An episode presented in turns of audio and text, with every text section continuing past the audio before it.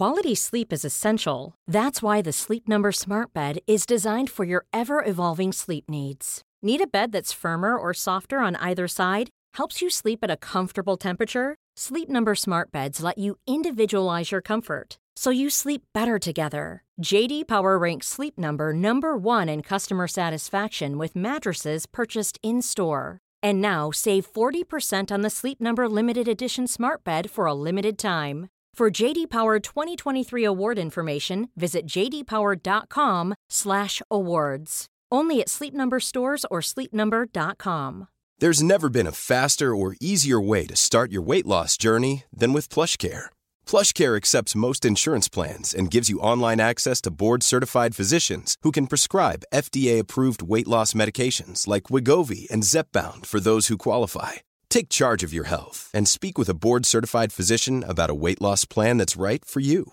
Get started today at plushcare.com slash weight loss. That's plushcare.com slash weight loss. plushcare.com slash weight loss. Hey, it's Danny Pellegrino from Everything Iconic. Ready to upgrade your style game without blowing your budget? Check out Quince. They've got all the good stuff shirts and polos, activewear, and fine leather goods, all at 50 to 80% less than other high end brands. And the best part? They're all about safe, ethical, and responsible manufacturing. Get that luxury vibe without the luxury price tag. Hit up quince.com slash upgrade for free shipping and 365 day returns on your next order. That's quince.com slash upgrade. Ja, nej men vad kul. Jag vill slösa en minut och 39 sekunder på det här. Spännande. Mm. Vet, vet, vet ni vad min fru sa till mig här i helgen? Eh, nu har vi slösat en minut och 39 sekunder här. Gud vad kul. Eller? Nej. Nej, jag är faktiskt väldigt nöjd med den där, måste jag säga.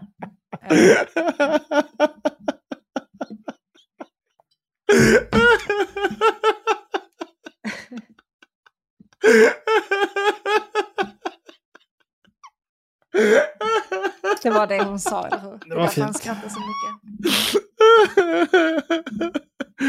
jag var... ja, stark That's What She Said-känsla.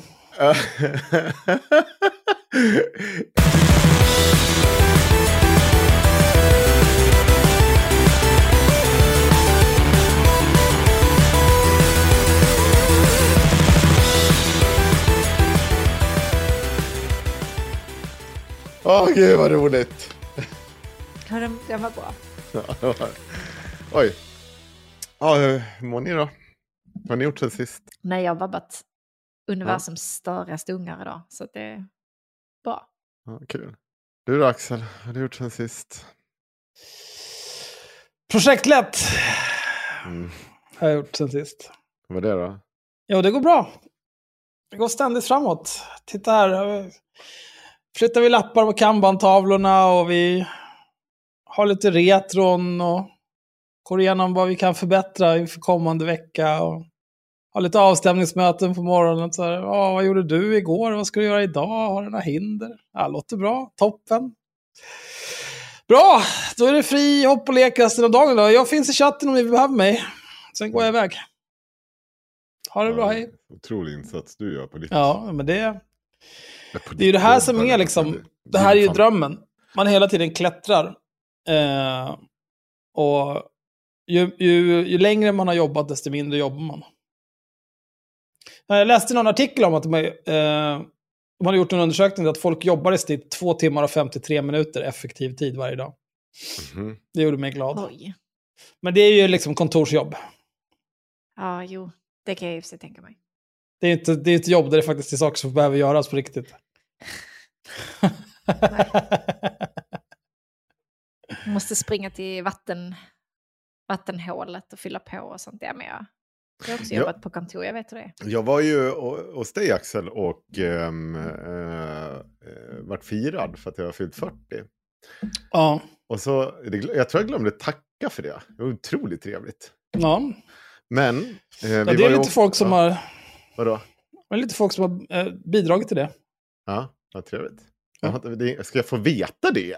Ska Nej. Nej, men jag tänkte att, jag tänkte att det, kan väl, det kunde väl Emelie sköta, men det kanske hon inte ville. Men jag kan ordna det. Ja, men ordna det sen så att jag vet det. Så, så jag kan tacka folk, för annars känns det lite otrevligt. Men eh, du har ju fått en ny pizzeria utanför dig. Ja. Det var en jättebra pizzeria, det var ingen konstigheter alls. Var det det?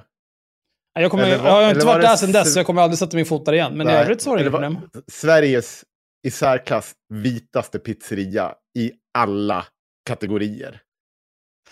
Det, jag tycker att det är så himla bra det här området, för att ja, här ställer liksom- man inga jävla blattar i kassan där eller? Det står två vita fräscha ungdomar. Ja. Vad gömmer man blattarna någonstans? Jo, de står bakom väggen där. Man Så ser dem skymta Men det är till ju där samma lite sak, ibland. så är det ju på alla sådana där snabbmatskedjor. Det är bara att gå till vilken, typ så McDonalds eller Burger King eller Max eller vad som helst. Mm. Dels i och för sig, nu för tiden så är det ju inga etniska svenskar som jobbar där. För att de är för fina för det. Ja. Eh, och det är precis som i vården och allt annat liksom. Eh, återvandring 2022, Sverige exploderar för att ingen jobbar. Ja. Jättebra. Men skit i det.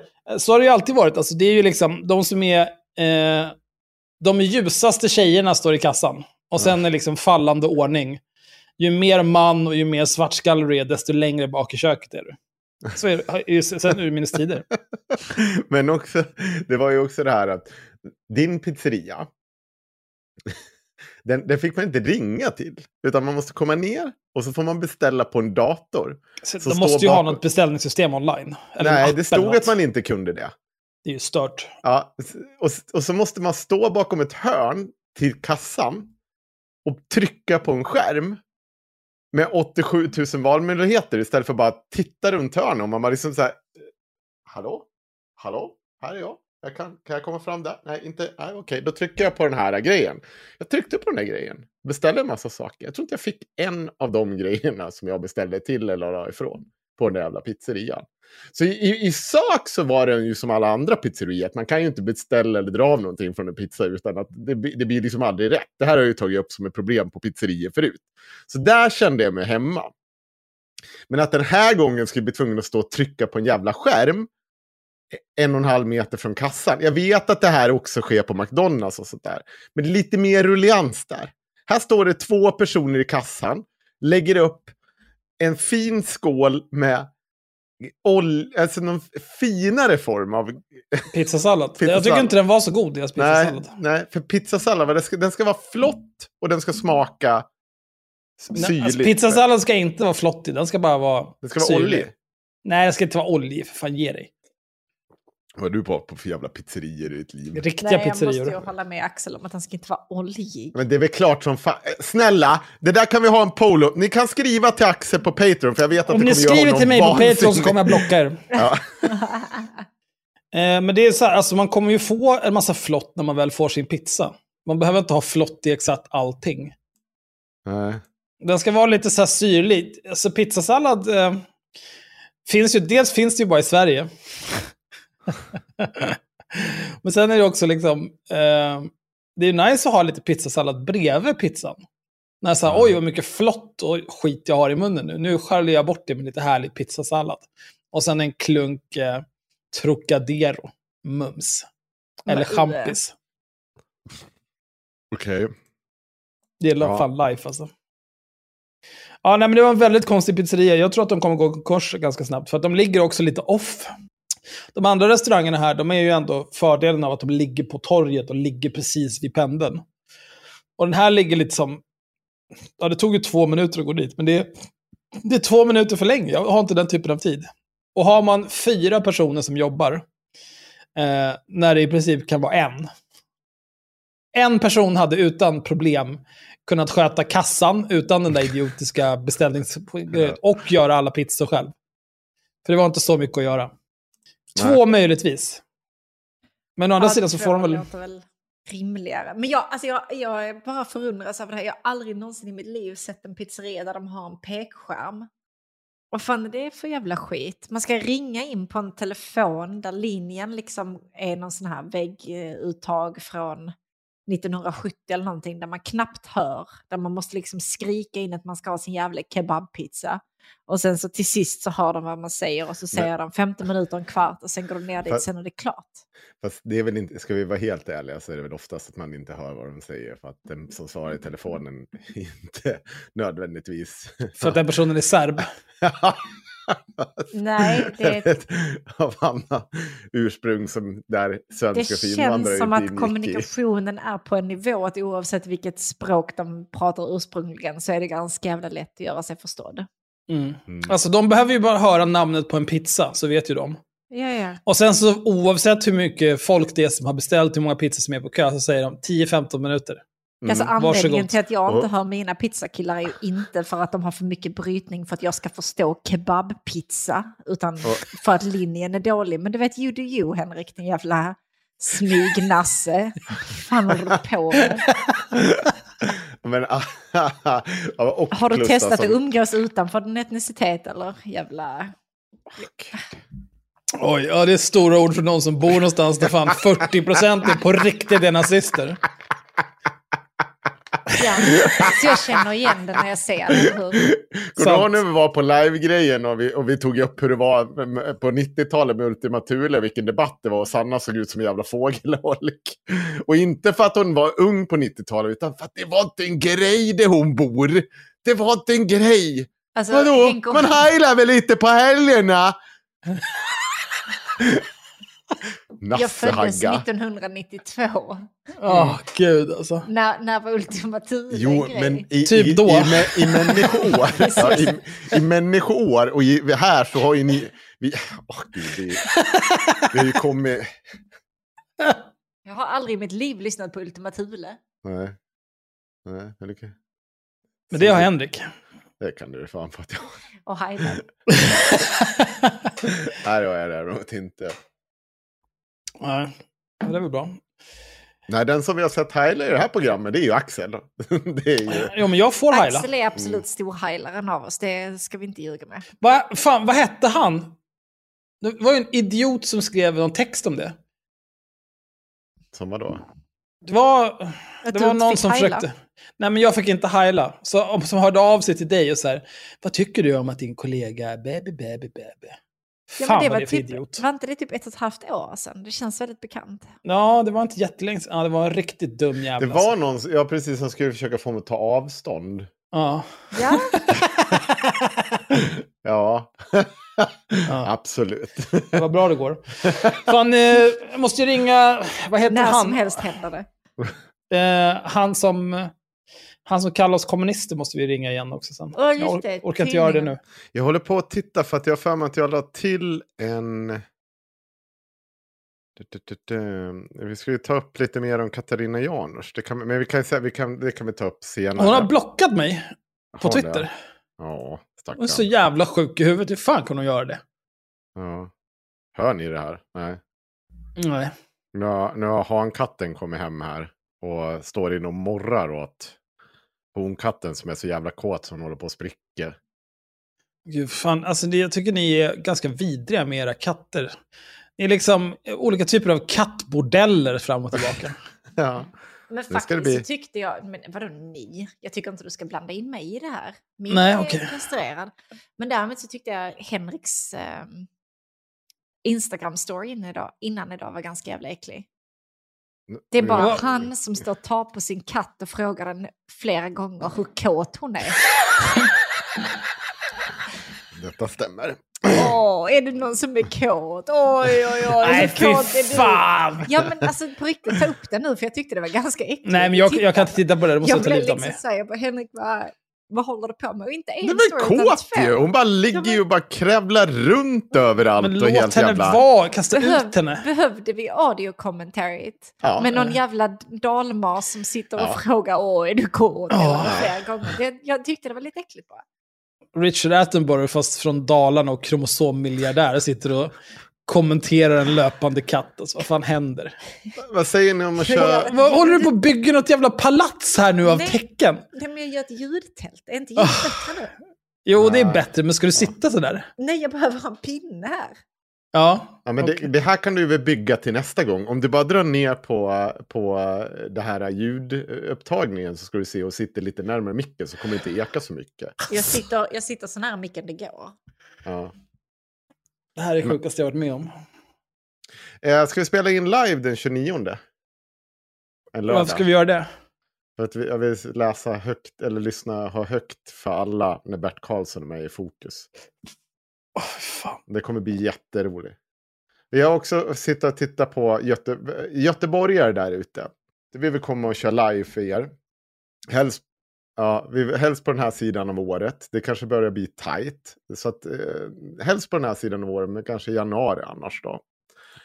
Eh, och vi behöver en lokal. Den här lokalen ska ta ja, 150 personer. Behöver inte ta mer än. Det, det räcker för oss. 150 sittande. 150 sittande. Vi vill att eh, alltså det ska finnas ljudutrustning där för oss att tala i. Och att man kan koppla in sig så vi kan spela in den här kvällen. Vad behöver vi mer? Det är typ det. Det är typ det. Det, det, då kommer, och det kan vi nöja oss med till att börja med.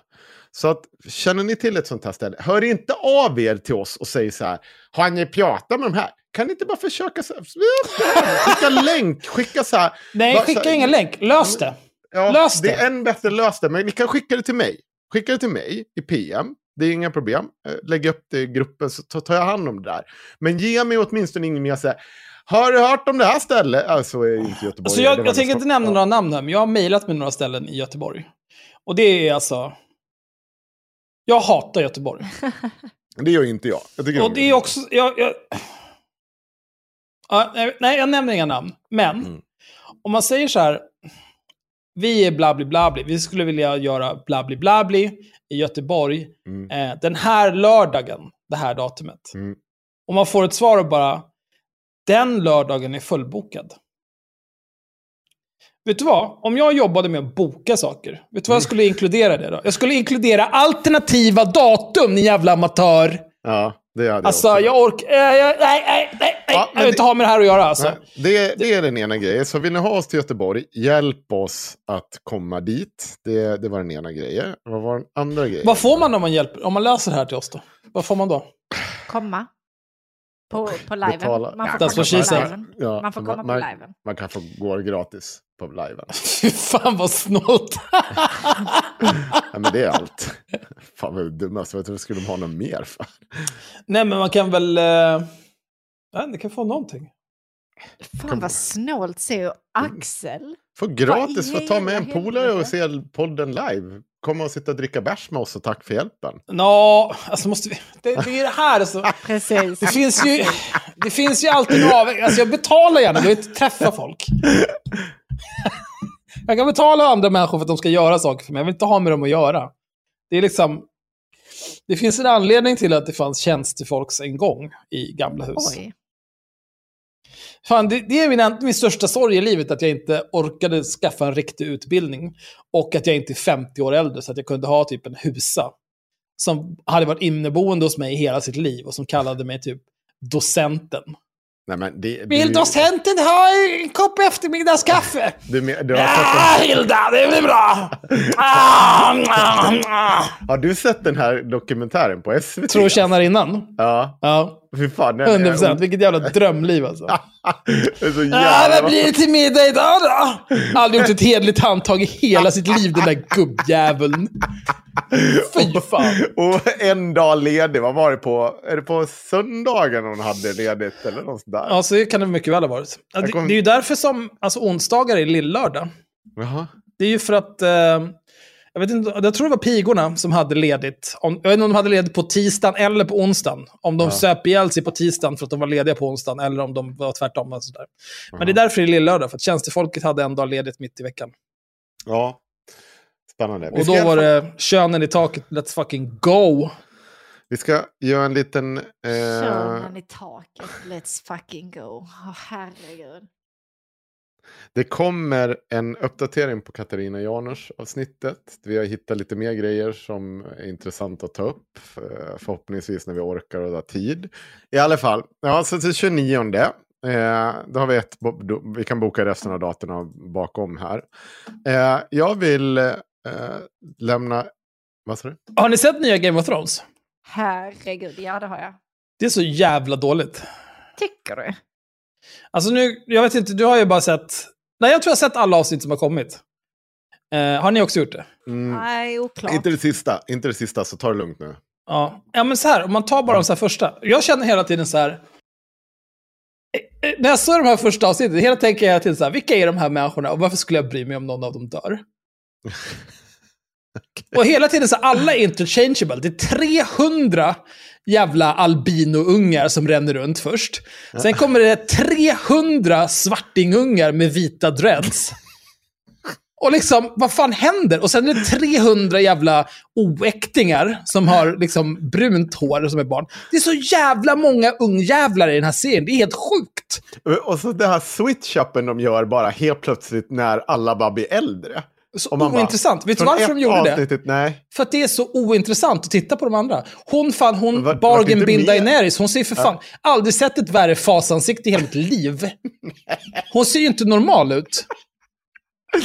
Som vår vän, vad, vad sa hon? Daener, vad heter hon? Dae, I förra? Daenerys. Ja, Daenerys, Wish Daenerys. Ja. Jo, men det är ju verkligen det. Mamma, mamma, jag vill ha Daenerys. Mm. Vi har Daenerys hemma. Ja, verkligen. Det har. Men, men, Men, men det är också så här, eh, när jag såg första Game of Thrones, Ja. serien, då är det typ så här, riktiga karaktärer som man bryr sig om. Man känner ju omedelbart så här, Ned Stark, vilken jävla karakar. Fan, här går han runt och bara skipar rättvisa, gör som, vad som är bra och rättvist hela tiden. Jamie Lannister, jag sliter kuken av dig din horunge. Och så vidare. Man har liksom starka känslor inför alla karaktärer. Och de känslorna förändras över säsongens gång, tills man kommer till liksom säsong 6, där allting bara är skit! Tills serien tar slut. Men i den här, alltså nu har jag sett nästan hela första säsongen. Det finns ingen karaktär som jag bryr mig ett skit om. Jag skulle inte bry mig om någon, om alla bara dog i sista avsnittet skulle jag tänka så här, fy fan vad skönt. Då vet jag, det blir inga fler avsnitt av den här. Som han gamla, äh, gamla Dr. Who, Ma, vad fan heter han, Matt någonting, som bara går ut och bara åh, jag är så himla tokig. Inte bara, jag, jag gillar att knulla min, syster, min brorsdotter här, åh vad tokigt. Och jag springer runt här och gör någon slags självmordsanfall mot de här jävla galningarna. De skjuter 38 miljoner pilar. Jag blir inte ens träffad. Vad tokigt! För, men man vet ju så här, ingenting kommer hända. För, ing, vad ska hända? Det är så ointressant. Ingen har ens dött. Så otroligt starka. Jag tänkte med säga att Jag det är verkligen... Nej, precis. Ja, nej, ja, fast jag, jag är benägen så här. Att nu när du säger det. Ja, nej, jag har inte starka känslor för någon enda jävla karaktär i den här serien. Och det är så, så mycket prat. Det är verkligen ja, men, glamour fast i fantasy. Det tar sån tid allting. Allting, det är, bara, nu har de kört, det är som att de kompenserar för den här sista säsongen av Game of Thrones. Där man bara, jaha killar. Jag har ju inte den här jävla gubbjäveln skrivit klart de här böckerna. Så jag säger som vi speedrunnar sista säsongen här. Hopp, Det var här kommer också- allihopa. Jag vill tjata i sex jävla... Hur många säsonger var det? Tio.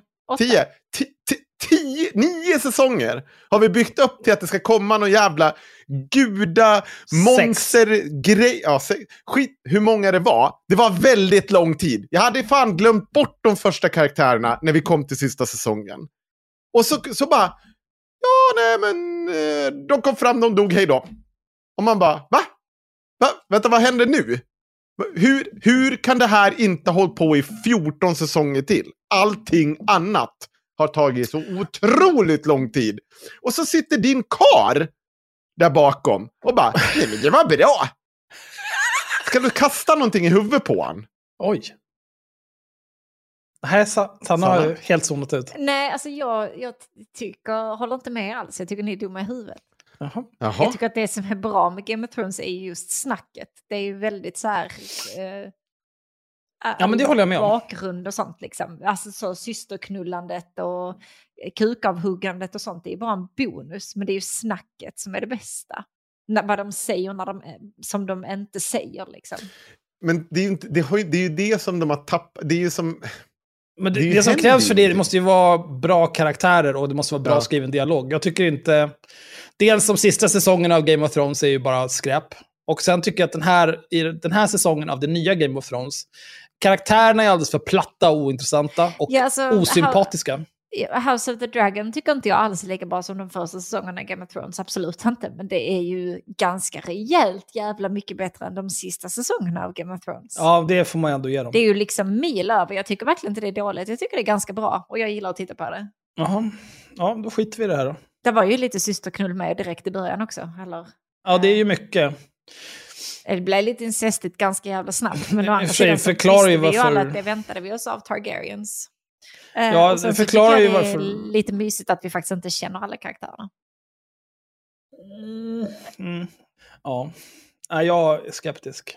Nej men Eh, alltså typ i Game of Thrones till exempel där man bara blev... Alltså här får du Ned Stark, du ska tycka om honom jättemycket och så tvingar de alla om att tycka om honom liksom. Och sen så dödar de honom för att det skulle vara någon typ av drama där. plot Det här tycker jag är mycket bättre. Det känns... Eh, det känns mer äkta typ. Fast du tycker ju, problemet är, det kan du ju göra. Men problemet blir ju som Axel säger, att du tycker ju inte någonting om någon av karaktärerna. Det blir ju inte heller bra. Hellre är ju intresserad av en karaktär som förändras över tid och som att se- serien är full av sånt. Men just nu så, så det är sån konstig jämn, man, man springer mitt emellan och, och ingenstans kommer man framåt mer än att helt plötsligt hoppar man liksom jag vet inte hur många år i framtiden de hoppar fram. Och det är också sånt jäkla oklart hopp. Ja, Varför jag gillar det bara sker. timeskips. Jag Vad sa gillar du? times- Jag gillar inte timeskips, jag håller med dig om det. Ja. Överlags tycker jag det är det, det, det generellt gör hela liksom grejen ganska konstig. För att jag plötsligt säger, jaha okej, här händer det. Okej, det händer. Men, en- eh, alltså serier där de hoppar flera år, eh, alltså- alltså det är ju ett tecken på att det liksom inte finns en bra story. För att om du har, om du har kört, liksom, jag vet inte hur många avsnitt det var, fem eller sex eller någonting. Du har kört fem, sex avsnitt. Och du har inte etablerat tillräckligt, du har inte etablerat världen och karaktärerna tillräckligt mycket och tillräckligt många storylines. För att man inte ska bli liksom, eh, tycka att det är fruktansvärt. Att man inte fick veta vad som hände med ditten datten om de hoppar sex år in i framtiden. Eh, då har man misslyckats. Jag, jag tycker de där timeskipsen, ja, ja.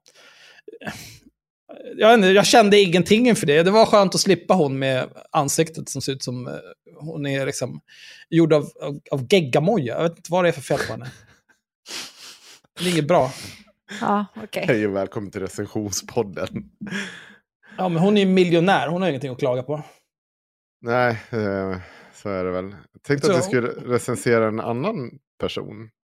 Ja. Eh, eller tänkte på en sak, Jag kanske ska ta upp det först. Innan vi hoppar dit. Vad fan gjorde jag av dokumentet? Det här dokumentet som man kunde läsa. Dokument som man skrivit tillsammans. Man, man kanske skulle lägga upp det här för sina följare så att de skulle kunna lägga in saker. Alltså när du sa, jag tänkte att vi prata skulle recensera, så tänkte jag att du skulle säga en annan film och att vi skulle prata om jävla svart krabba igen. Ja, nej, nej, nej, men det kan jag ju få läsa. Det här ska ni få höra. Det här är Sanna och det här var ju, jag var så jävla arg när det skedde. Kända artister bakom bandet Dead People, Expressen. De senaste åren har bandet Dead People fått uppmärksamhet för sin melankoliska och elektroniska pop. Bandet skrev även filmmusiken till vårens storfilm Svart Krabba. Vad är det här för jävla pundare som har skrivit den här skiten? Ja, vem är det? Ja, jag vet. Ja, just det. Kan vi kolla. Ska jag ringa hem till Jag honom? vet inte! Nej, jag vet inte. Ja, text av TT. läsa namn. Anonyma, anonyma. Anonyma horungar på internet. ja. Och så, det är så, så bara, men det visar sig att det är Joakim Berg, Anna Ternhem. Men det är klart de är anonyma. De vill väl för fan inte befatta sig med den där skiten.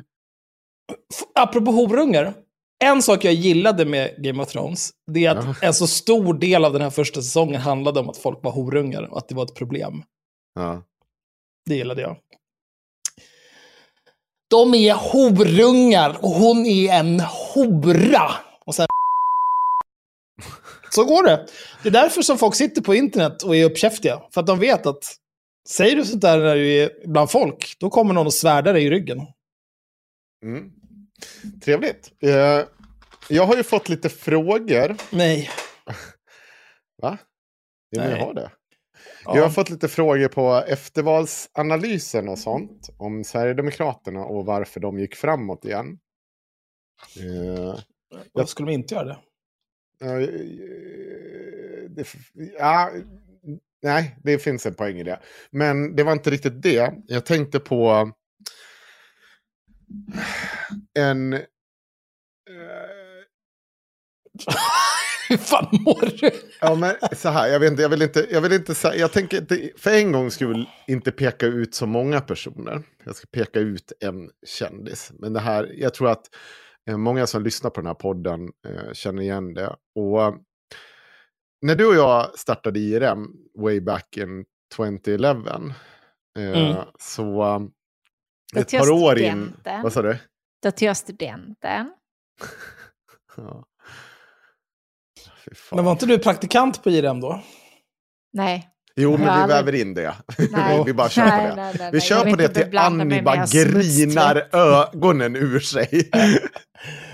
Åh, Alltså ni som inte har sett det, när, när Annie och eh, Niklas Jonasson skulle börja grina över att Vem är Axel? Han har aldrig varit med och bildat IRM. Alltså det var det roligaste jag har varit med om. Och alla som försökte förklara för dem, it's a joke. Och Ja. de bara, nej, det är det inte. Det är faktiskt Tänk- inte Men roligt." var det han som eh, delade ett av mina inte rasismen-skämt Ja, och skrev berätta mer om när du var med och startade Ja. inte rasismen. Och så Ja. skrev jag till honom och så låtsades han som att han inte visste vem jag var. ja. Och alltså... Gud, och gud vilken tönt. Att, tänk om man bara kunde ha ägt det där alltså. Åh, ja, men han var ju en pajas redan när vi startade IRM. ja, precis. Så är det. Med det. Han försvann Gud, alltså det här är typ det roligaste skämtet jag vet. Men i alla fall, eh, 2013 någonstans eh, och framåt så var det ju en extremt fokus på att eh, diskus- diskutera strukturell rasism. Och allt ifrån användandet av ord till, eh, ja, men du vet, man, man, man skulle inte prata om SD, man skulle demonstrera kring tunnelban, eh, så här. Varje gång den här typen, det fanns en typ av rörelse som basically bara sa att nej men det värsta som finns här är den strukturella rasismen i Sverige. Hej och hå, det är så farligt med den strukturella rasismen och folk blir utsatta varje dag för den strukturella rasismen. Och jag ska inte förminska, men jag kommer förminska det en del. För det där behövs tas ner på jorden nu. För det var en sak som störde mig, eh, egentligen ända från 2013 och framåt. Det är att även om Sverige Eh, är ett förhållandevis icke-rasistiskt land så finns det absolut strukturell rasism. Det här påvisar man med lite undersökningar och saker händer mot eh, rasifierade och, och liksom det sker eh, olika typer av ja, men händelser i vår vardag eh, gång på gång som är nog så allvarliga. Men det jag aldrig förstod i form av hur den här antirasistiska rörelsen höll på, det var hur, hur kan man mena på att det, liksom, om, man, om man blir tvungen att titta lite på vad vi står inför, vi står, på, vi står inför ett Sverigedemokrater som, som val efter val ökar. Eh, och det, det här jag pratar nu lite över tid såklart, utan det här var ju någonting som jag tänkte över 2014, 2018. Så hur kan man då stå och säga att det är den strukturella rasismen som är Sveriges liksom stora hot i form av rasism? När vi har ett parti som är på god väg att få inflytande över riksdagen eller inflytande över en regering till och med i värsta fall. Och då faktiskt kan skapa strukturell och institutionell rasism. Hur kan det här inte oroa er mer? Och en sån person som jag frågade en gång på ett seminarium, jag tror det här var 20, efter 2018, valet där, eller om det var innan, strax innan. Jag kommer inte ihåg. Kontentan var bara att vi såg att SD hade växt igen. Det var ingen snack om att de skulle få mycket högre siffror än eh, 2014. Det var Rosanna Dinamarca, eh, Vänsterpartiets riksdagsledamot. Hon var på något seminarium på Sveavägen, tror jag det var. Där hon stod och pratade om rasism. Och jag ställde frågan, för det kom upp en, en ganska mycket, det var så mycket diskussion om strukturell rasism. Och då frågade jag, så här, men i Sverige idag så, så har vi väl liksom i princip tre former av rasism. Den organiserade rasismen i form av NMR, Sverigedemokrater, AFS och så vidare. Vi har strukturell rasism i form av att kanske människor med rasifierade namn eh, inte får jobb. För att just bara på grund av namnet, det spelar ingen roll att de har alla meriter, man väljer bort dem till förmån för ett namn som låter som ett namn jag kan uttala. Och så har vi attityder i samhället, vi ser de här små attityder och grejer kring eh, invandrare och sånt som bara liksom människor går runt och har. Och du blir tvungen att välja vilken liksom du blir tvungen att i första hand bemöta. Så, eh, vilket skulle det vara då? Varpå hon till sist svarade just den strukturella rasismen. Och efter valet så tycker jag mig se de här människorna skrika i höga sky om liksom det här hotet som nu SD utgör. Och vilket liksom total katastrof det är att de har kommit till makten. Och jag tänker då så här. Vad fan var ni liksom när vi så, tog fighten med Sverigedemokraterna. Vad fan gjorde ni då? Förutom att stå och böla om någon affisch på Dramaten eller att någon konstnär fick ställa ut på, på Kulturhuset. Vad fan gjorde ni då för att faktiskt förändra att de här människorna som kan skapa strukturell rasism, institutionell rasism, eller faktiskt hindra människor från att attackera det. Vad fan var ni då? Jag är så jävla äcklad av att se de människorna nu i full panik. Ja, men vad säger jag? Men, Har jag rätt eller har jag fel? Uh, jo då. Ja. Det, det, men det är ju... Uh, alltså man kan ju... Det beror ju på vad man har för mål i livet. Uh, vill man liksom uh, hålla på och säga nej, ingen rasism, dåligt, ta bort det här. Vill man hålla på med sånt, då får man ju liksom engagera sig i det på riktigt. Eh, men jag vet inte, jag tror att de personerna som du tänker på, de har ju inte engagerat sig i det här på riktigt, utan de har ju engagerat sig i det här som en liksom, förslag till personlighet. Ja. Många av de här människorna. Jag, jag ja. nämner inga namn här nu, men liksom, det finns ju gott om horungejävlar. Som är typ så här, ah, jag är, jag är feminist och antirasist och säger bara de smartaste, bästaste grejerna. Jag har lite nagellack och några så här äckliga hippiehalsband och 13 års jävla festivalarmband från Hultsfred som sitter och ruttnar bort på min arm. Den där typen av människor. Eh, och liksom, ja, ah, har du läst feministisk teori? Det har jag, här ska du få höra. Ja, ah, gud vad spännande hörru. Men har du gjort någonting på riktigt någon gång i ditt liv? Stick för fan. Har du ens kastat en cementblandare längre än 50 meter? Nej, det är klart du inte har det. Men det är ju, eh, till exempel om man, om man ska hålla på och säga att, om så här, ja, men nu ska vi tjafsa om att du får absolut inte skriva utan wildcards. Ja. Alltså, att det blir en grej. Alltså, men det är ju direkt citat från den här actual nazi. Sa Och då tycker du att jag ska skriva en stjärna, stjärna, stjärna, R.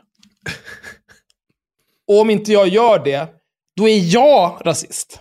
Ja. Det tycker du.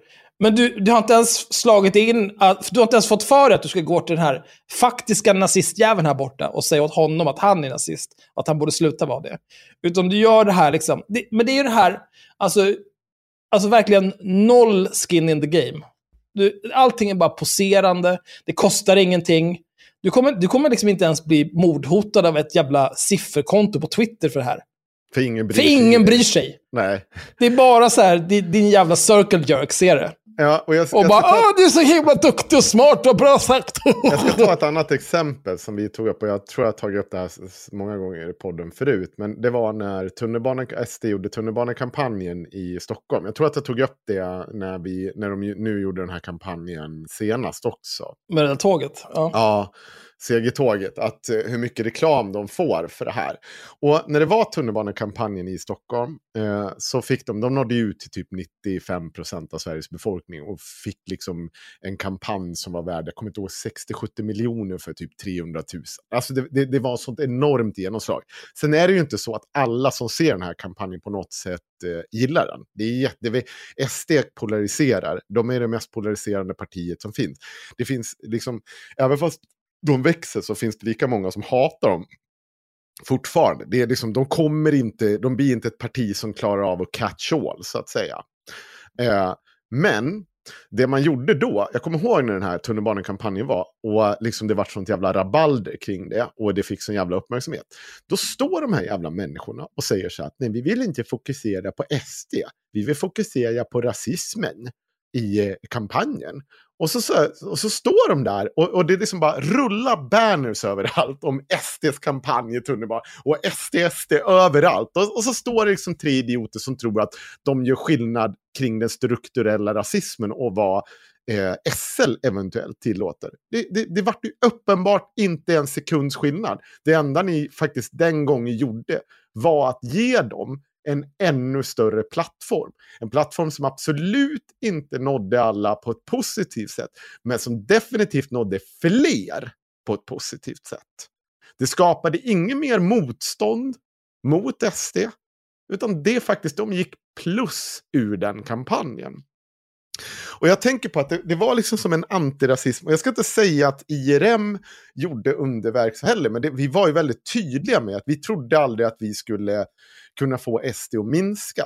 Och det fanns en ganska, en ganska viktig punkt i det. Och det var ju för att eh, vi sa att det är bara politiker och folk som kan skapa bättre materiellt välstånd eller bättre, mm, eh, liksom en bättre, vad heter det, eh, fördelning i Sverige som gör att för människor i sin vardag att de får det bättre. Det är bara de som kan möta Sverigedemokraterna. Det är de som med faktisk politik kan få SD att minska. eh, det kan inte en blogg som skriver om SDs rasism göra. Vad en blogg som skriver om SDs rasism kan göra, det är att påminna vissa politiker om att, ja just det här, har du tänkt på att det här är ett rasistiskt parti som du tänker gå och slicka i röven nu, Johan Persson? Det var vad vi kunde göra under lång tid. Och det tror jag att vi mycket väl kunde vara, vara en del i att upprätthålla. Men vänstern har liksom helt misslyckas med att fokusera på det här materiella, att lösa folks problem i vardagen. Och det är ett sånt jävla misslyckande. Och jag skickade en länk till hur det kunde låta. Jag vill bara påminnas om hur det kunde låta i en ganska stark eh, röst i den antirasistiska sfären, Axel. Eh, jag skickar den direkt till dig så du kan få läsa. ja. Jag tycker det är passande för vi ska prata om hennes bror senare. Ja. Fy fan. Mm. Visst var hon med i rummet också? Hon var med i rummet också. Fan, de skingrades verkligen som kackerlackor när man tände lyset så fort du fick riktiga jobb. ja, nej, men det är bra. Eh, det här är då Valerie Chejune Backström som den eh, 3 juni 2014 har skrivit följande text. Eh, utan en vit partner släpps vi inte in i finrummen. Nej. jag, jag minns att jag har läst den här, jag tyckte inte om det.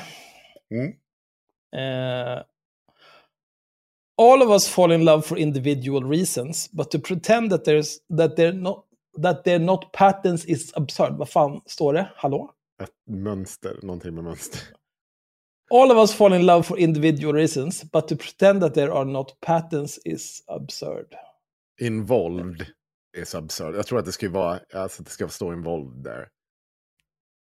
Ja, jag vet inte. Jag fattar Vi går vidare inte bara. vad ni upplever som konstigt här, men absolut, fortsätt. And to pretend that we don't have a sexual economy that is inflected by race is absurd. Inflected, oj oj oj, här. Här kommer orden.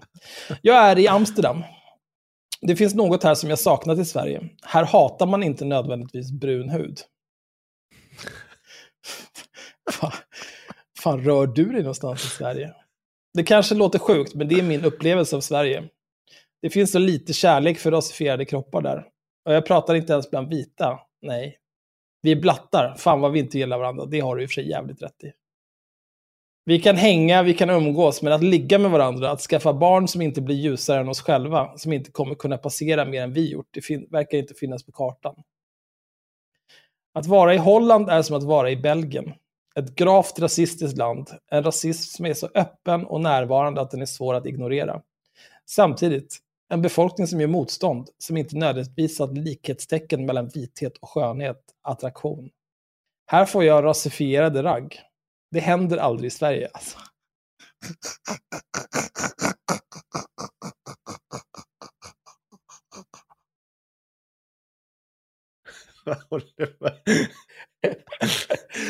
Nej, men vad är det för jävla incel-skit hon har skrivit här? Bara, I Sverige får jag inte ligga för att jag är svartskalle. Ja, är det därför? Ja. Är det för att du är helt jävla outhärdlig att ha att göra med kanske? Fan. Nej men på riktigt, tänk er att Malcolm hade skrivit det här istället. Han hade ju liksom fått skolskjutarstämpel direkt. Ja, men det är inte klart! Absolut dummaste jag har hört det här. Åh. Sverige är speciellt. I USA finns en annan problematik. Där rasrelationer varit reglerade av lag så länge, där mixade relationer fortfarande kan vara kontroversiellt, finns det kanske något progressivt att som svart dejta en vit. Kanske. Där hänger papperspåsetestet fortfarande kvar. Uh, I Sverige pratar vi inte papperspåsar, men vi vet precis vad det går ut på. Som om vi hade det i blodet, fick det med modersmjölken eller kaviarmackan. Kanske är det av självbevarelsedrift, kanske av skam, men vi väljer inte varandra. Allra helst vi vill vara ensamma, få, som ett russin i kakan. Ekonomin är så tydlig. Forskaren Tobias Hübinette säger att Sverige, till skillnad från andra länder, inte har någon självreproducerande, rasifierad bourgeois. Utan en vit partner som håller oss i handen släpps vi inte in i finrummen.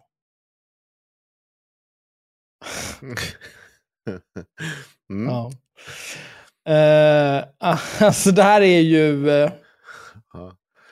Men du kommer snart till punchen. fruktansvärt privilegierat att skriva om sånt där. Här står jag utanför kungabalen och enda anledningen till att jag kommer in, den absolut enda anledningen är att jag är svartskalle. Men allt annat som krävs har jag. Mm. Ja, vad bra. Vilken tur. Det låter jobbigt att vara dig. Uh, pa, pa, pa, pa, pa, pa, pa. Det här vet vi och vi är inte dummare än att vi fattar. Att vi klättrar. Vi vill till ljuset. Men, men vadå klättrar? Vad är det du klättrar? Klättrar i hierarkin. Men, men vilken jävla hierarki? Och lär känna något, något jävla kritvitt spöke som kan ta med dig på någon poesiläsning som du vill gå på. Vad fan pratar du om? Det här är ju så jävla världsfrånvänt. Liksom. Varför? Kan, kan du inte ha ett klassperspektiv på det här istället? Va? Att det kanske är så här, ja men om dina föräldrar kom hit som flyktingar från liksom Heikon Bacon i stan och var analfabeter eller what not. Och de så här har hankat sig fram på de jobb de har kunnat hitta. Och du är inte bara den första i din familj som går ut skolan, utan du är den första som har liksom en universitetsutbildning och det går toppen för dig. Men du saknar alla de här sakerna som folk som uppfödda och har funnits i medelklassen här hela sitt liv har. Ni har inget landställe. Ni har ingen bostadsrätt på Söder. Ni har ingen, det finns inte bilar man kan låna av folk överallt. Ni har inte släkt som bor överallt som man kan hälsa på hos och bo gratis hos när man är i den staden. Alla de där grejerna saknar ni. Det tror jag nog är ett större problem. Och det är lika mycket klass som någonting annat. För att allting handlar om pengar. Ja. Och sitta och prata om, alltså det här, det här driver mig faktiskt till vansinne ju mer jag pratar om det. Att sitta och prata om de här kulturella finrummen som man inte får komma in i. Vad lever man i för jävla värld då? Men det var ju det vi sa back in the days. Att det här är ju bara liksom en bunt aspirerande DN-skribenter som vill jobba på kultursidorna.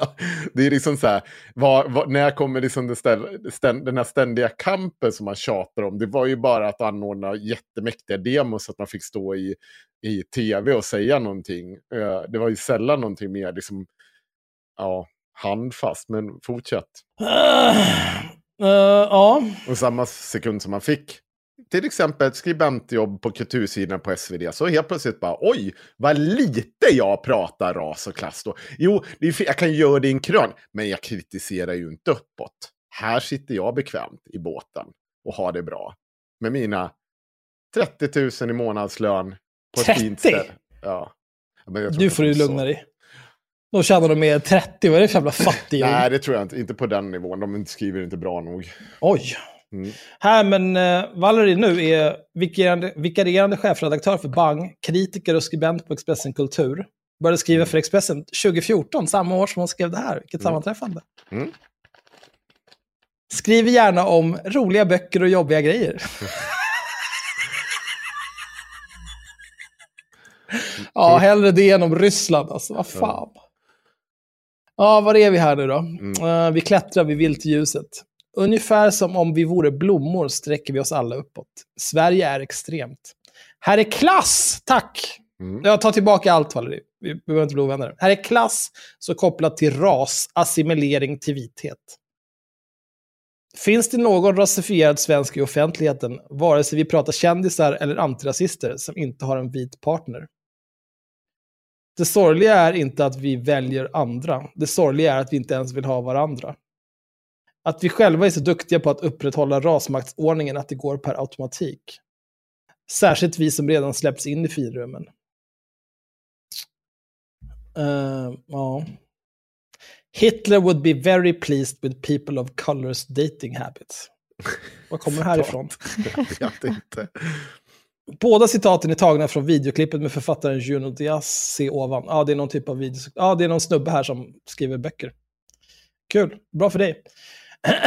för vi kan snacka hur mycket antirasism vi vill, men om vi samtidigt gör allt vi kan för att utplåna vår brunhet, att slippa ge den i arv till våra barn, om vi själva redan gått med på att upprätthålla att svenskhet och människovärde fortsätter vara kopplat till vithet, kan vi ju fråga oss vad vi egentligen tjafsar om.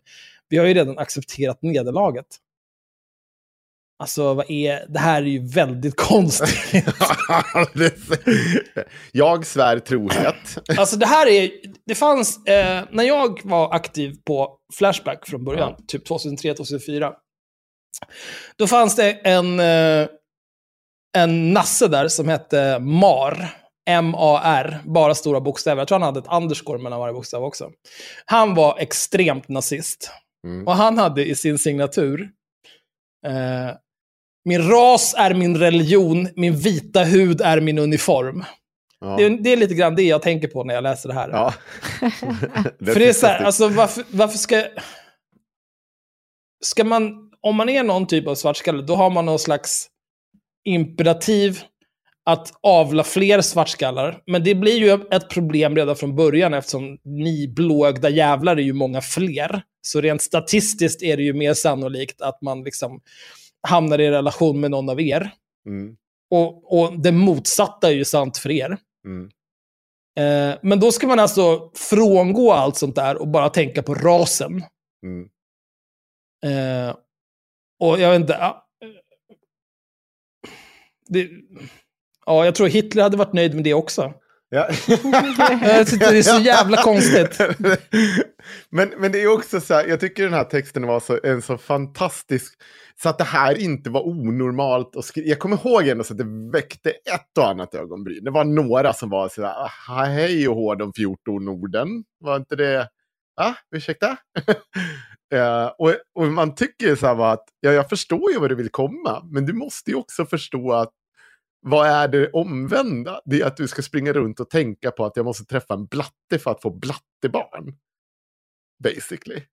Det är inte normalt. Det, det känns inte riktigt helt så här va, o- oj, vad- det, hur ska det... Alltså jag, eh, jag följer ett konto på Twitter bara. Lite snabbt Mhm. där. Alltså hon är...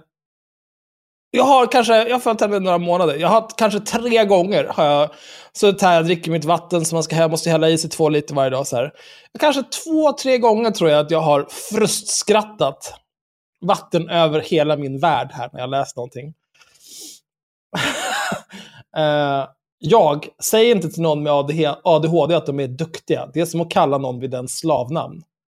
Någon på Twitter. Ursäkta, det där är kränkande. Slaveriet finns faktiskt på riktigt. Jag gråter och svettas nu. Har ni tänkt på det här med flygplansmat? Spyr. Alltid så lite.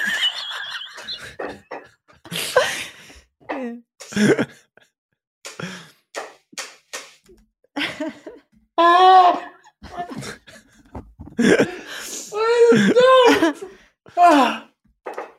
Åh gud, det är mest roligt för att det påminner mig om It's Always Sunny in California. När Dee ska köra stand-up och, och bara gör kräkljud hela tiden. Åh. Ja, det var roligt. Mm. Det gjorde Ja. mig glad. Ja, jag vet inte var jag var någonstans. Så det, jag får väl lämna det med att det var... Alltså, så, här, Men jag, det var ju din punchline här nu. nej men var inte så jävla... Nu, ja, var det din punch? Eller, ja. Ja, men Nej, du men- hade ju en punchline här. Nej men så här, jag har inte så jävla mycket av en punch egentligen har jag redan dragit den. För jag, jag tycker att det här illustrerar väl den här tiden och hur liksom flippat det var diskussionen kring rasism. Och hur jävla liksom så här, hur nära den gränsade till den typen av rasideologiskt tänk som även nassarna har. Jag förstår att Valerie eh, aldrig liksom, skulle liksom vara nasse eller något sånt där. Men det spelar fortfarande ingen roll. Du har ju fortfarande att liksom haft seriösa diskussioner om att eh, svarta bara ska knulla med andra svarta för att de ska liksom, eh, upprätthålla någon typ av antirasism. Är du sjuk jävla roligt sagt. Ja, eller, va? Det är skitkul. ja men, men det, det är ju helt absurt att det liksom har skett och inte det blivit mer så här bara Wow, Men, alltså, är du till hennes full försvar- människa? Till hennes försvar, det här var ju 2014, det är åtta år sedan. Mm. Hon är 32 år gammal nu, så hon var 24. Ja, okej. Så man kan... Men, Mycket möjligt. jag, jag säger inte Jag- att hon var jag- hjärndöd när hon var 24, men många människor är hjärndöda när de är 24. Ja, det är hennes försvar. Då. Men, men fortfarande så var det ju en tid som sträcker sig från 2013 fram liksom in till 2018. Där jag liksom aktivt såg en viss del av den antirasistiska och antifascistiska rörelsen som faktiskt inte tog i frågan om Sverigedemokraterna. För det kostade, precis som du sa Axel. Det var lätt att sitta och säga på Twitter att jag är så jävla utsatt för att jag är rasifierad. Samtidigt som jag satt på någon jävla tidningsjobb och ja, lyfte 30-40 000 kronor i månaden och aldrig rörde sig utanför tullarna. Det, och liksom levde förmodligen sitt bästa liv. Och mycket, mycket mer liksom ekonomiskt stabil och eh, vad heter det, kulturellt och vad säger man, socialt kapitalt stabil än många människor i det här jävla landet. Och ändå så satt man sig på den där höga hästen. Och vägrade ta i Sverigedemokraterna, för det vet man, det visste man minsann att om jag tar den här skiten, då blir det ett jävla liv. Så nu gnäller vi på alla andra som tar den där skiten eller liksom folk som väljer att gå den vägen och berättar att de gör fel i alltihopa. Så kan vi sitta kvar och skriva texter om de 14 orden och att vi bara ska digga med svarta. Så att så blir allting bra i slutändan. Och det, det blev inte det. Tro det eller ej, det, det blev inte det. Och det, blir, det kommer inte bli bättre om inte du liksom lär dig hantera om... Alltså så här, det, det kommer behövas en antifascistisk rörelse som hanterar Sverigedemokraterna. Och som liksom trycker på de andra partierna. Som gör att det händer någonting. Eh, vi ska åter till, eh, vad heter det, Valleys brorsa. Men jag tänkte att vi skulle landa i en till högläsning. Och det Och är... har, ni, vi vet ju vad Valerie gör idag. Jag, tänkte, Ja. jag tittar lite på de här andra. Eh, på rummet? ja. Ja, okej. Eh, Mm. Camilla Storg. Nu, nu utgår jag ifrån att det utgavs en bok 2015 som heter Rummet. På Ja. Ordfront. Eh, och då är det Valerie Shiuni Back- Backström, Camilla Storga Diaz, Judith Kiros och Mireia Echevarra, Echevarria Quesada. Ja. Eh, stäm mig för att jag slaktade era namn. Eh, Mireia, hon eh, är chefredaktör på Kontext. Jag vet inte vad Kontext är, men det... Ja, det är en typ av blogg som de startade för flera år sedan. Som Myra var med tror jag, och pratade om och tog bara någon typ av... Ja, jag kommer ihåg. Ja, jag kommer ihåg när det här startade. Ja. Ja. Quality sleep is essential. That's why the Sleep Number Smart Bed is designed for your ever evolving sleep needs. Need a bed that's firmer or softer on either side? Helps you sleep at a comfortable temperature? Sleep Number Smart Beds let you individualize your comfort so you sleep better together. JD Power ranks Sleep Number number 1 in customer satisfaction with mattresses purchased in-store. And now save 40% on the Sleep Number limited edition Smart Bed for a limited time. For JD Power 2023 award information, visit jdpower.com/awards. Only at Sleep Number stores or sleepnumber.com. Many of us have those stubborn pounds that seem impossible to lose, no matter how good we eat or how hard we work out. My solution is PlushCare. PlushCare is a leading telehealth provider with doctors who are there for you day and night to partner with you in your weight loss journey. They can prescribe FDA-approved weight loss medications like Wagovi and Zepbound for those who qualify. Plus, they accept most insurance plans. To get started, visit plushcare.com slash weight loss. That's plushcare.com slash weight loss. Kontext producerar texter, podcast, serier och videos och utgår från tre redaktionella grenar, politik, kultur och livet. Kontext säkrar en plats i det offentliga samtalet för journalistik som vrider ner tempot och går på djupet. Mm. Kontext du är politiskt och religiöst oberoende. Aldrig hört talas om att de... Ah, det, det, Eller ja, ja, som sagt, jag hörde talas om det när det startade, men jag har, Ja. sen dess har jag inte... Man kan bli månadsgivare via Patreon. ja. 52 Patrons. Nej, men det går Varför? bra nu. Varför beskrivs... Ja, vet du vad min fråga var till dem då? Nej. Det var, hur ska ni tjäna några pengar på det här? Kommer Man kan swisha till bedriva- dem, de har ett eh, företagskonto, eh, företagsswish. Eh, man kan sätta Mm. in direkt på deras bankkonto. Eh, men det känns inte, det, verkar inte som att man kan köpa någonting av de här. Nej, det, det, det, det här har Alltså inte... ingen merge eller prenumerationer eller något sånt. Ah, ja, skitsamma, Alltså, det det är är väl bra. någon typ av... Ja. Det är säkert jättebra. Mm. Judith Kiros är en svensk poet, journalist och doktorand i engelsk litteratur vid Karlstads universitet. Det går bra nu. Mm. Eh, vill, vill doktor Kiros ha en kopp kaffe till eftermiddagen? Eh, och sen har vi Camilla Astorga Diaz. Eh, där har vi mycket public service. Mm. Hon är numera redaktör, på, redaktör med digital spets på SVT. Miraya, eh, hon var också tror jag på P3 Nyheter under en period. Det var mycket folk. De här stack ju till SVT och DN och lite sådär. Och försvann och som du sa. Det var Fick riktiga jobb. Ja, Jag, jag unnar dem det. ja, det är jag också. Jag skickade en länk i alla fall om inte du hade något mer att säga om det där. Eh, vad de Nej. gör idag. Varför Ja. skickar du inte till mig? Varför skickar du inte till Sanna? Vill du högläsa det här Sanna? Nej. Varför Men, för men då? jag har så mycket eko här. Ja, okej. Eh, ja, nej, men då så. Då får du härda ut här med att du inte får läsa med heller. Ja, ja. Mår du dåligt? ja eh, jo, Ja, bra. absolut. Nej, men den här, jag vill inte... Det här är en så dålig person. Mm. Ja, det här är en text i eh, Expressen publicerad 26 september i år. Eh, rubriken är “Därför får vi aldrig släppa in partiet Nyans i värmen”. Eh, och tro det eller ej, det här är skrivet av en person som jättegärna vill släppa in Sverigedemokraterna i värmen. Det är så Mm. konstigt. Partiet Nyans är i sin essens ett hot mot den svenska demokratin och yttrandefriheten. Big true. Om vi ignorerar partiet kommer det att fortsätta att växa genom att sprida desinformation och så splittring i samhället. Jag är osäker. Men jag kan, jag är, mm, okej.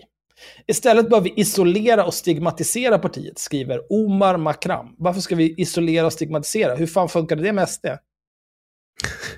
Vill han att de här ska bli stora, eller?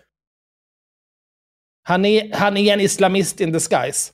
En Ja. jävla transformer har han kommit hit. Det är väldigt konstigt hur, men vi, vi, det kommer säkert, vi kommer säkert få något svar på det i texten. Att hur han tänker här och hur Jag han hoppas det. resonerar Du, det är säkert ett så listigt, eh, litterärt och retoriskt knep att han säger någonting riktigt Ja. korkat här först. Och sen så ska, vi, ska jag tänka, "Åh, jag tänkte att jag var så smart då. För att, för att rent instinktivt så tycker jag att, eh, att han har rätt. Att vi borde isolera Partiet Nyans kan ju dra åt helvete, de är Ja. idioter. Ja. De kan verkligen dra åt helvete alltså. Fy fan. Eh, det finns ett parti som i sin essens är ett mycket större hot mot demokratin än vad Sverigedemokraterna är, och det är partiet Nyans. För någon som mig, som har flytt Egypten på grund av blasfemilagen och var tvungen att söka asyl i Europa för att ha lämnat och kritiserat islam, är partiet Nyans särskilt alarmerande. Mm. Men Omar, det finns väl säkra länder som ligger närmare Egypten? Varför behövde du komma just hit? Mm. Något att fundera på. I praktiken vill de införa blasfemilagar och undergräva sekularism samt yttrandefrihet. Mm. Ja, det vill de. Och det kan Mm. de dra åt helvete för. Vet du ett till parti som gärna vill se att vi blir mer som Ungern? Jag vet inte! Jag vet inte. Det, jag kan berätta vad Erika Jomshoff så sent som häromdagen, eh, det var fan bara inte, det var bara veckor bort, vänta här. Eh, skrev han så här, eh, Tobias Hübinette. Han citerar Jomshof. Eftersom vi inte sitter i regeringsställning än och eftersom media i Sverige inte fungerar som media i Ungern, det vill säga att det är styrt av staten och kontrolleras på en jävla massa sätt där viss media inte får finnas och existera, är vi tvungna att anpassa oss till den verklighet som råder här. Vi måste anpassa vår retorik efter det rådande läget. Vad skriver eh, Richard Jomshoff 2022 10.01 om det här uttalandet? Som han har fått ganska mycket kritik för och som man försökte backa ifrån. Som är uppenbar fascism. Ja, då skrev han spot on! Jaha, Omar Makram. Men det här har inte du ett problem med. Det, det, Det är ju rätt sorts fascism. 70% fascism är bra fascism. 80, fra- 80% fascism, det är jävligt dålig fascism. Den ska, vi, den ska vi stigmatisera. Men så länge du bara kör 70% fascism, då är det okej. Jävla lallare. Oj. Ja. Hur ska vi begränsa partiets frammarsch och minimera dess negativa inverkan på samhället samt ta itu med grundorsaken som ledde till att ett sådant parti existerar i första hand? En möjlig strategi vore att ignorera partiet och dess väljare. Det vore dock ett misstag. Och det beror inte nödvändigtvis på att Nyans är ett politiskt hot. De fick trots allt bara 0,4 procent av rösterna. Jag skulle säga att Nyans framförallt är ett socialt och kulturellt hot på grund av partiets försök att så polarisering splittring och förbittring mot majoritetssamhället. Ofta genom att sprida desinformation eller utnyttja kränkta religiösa känslor.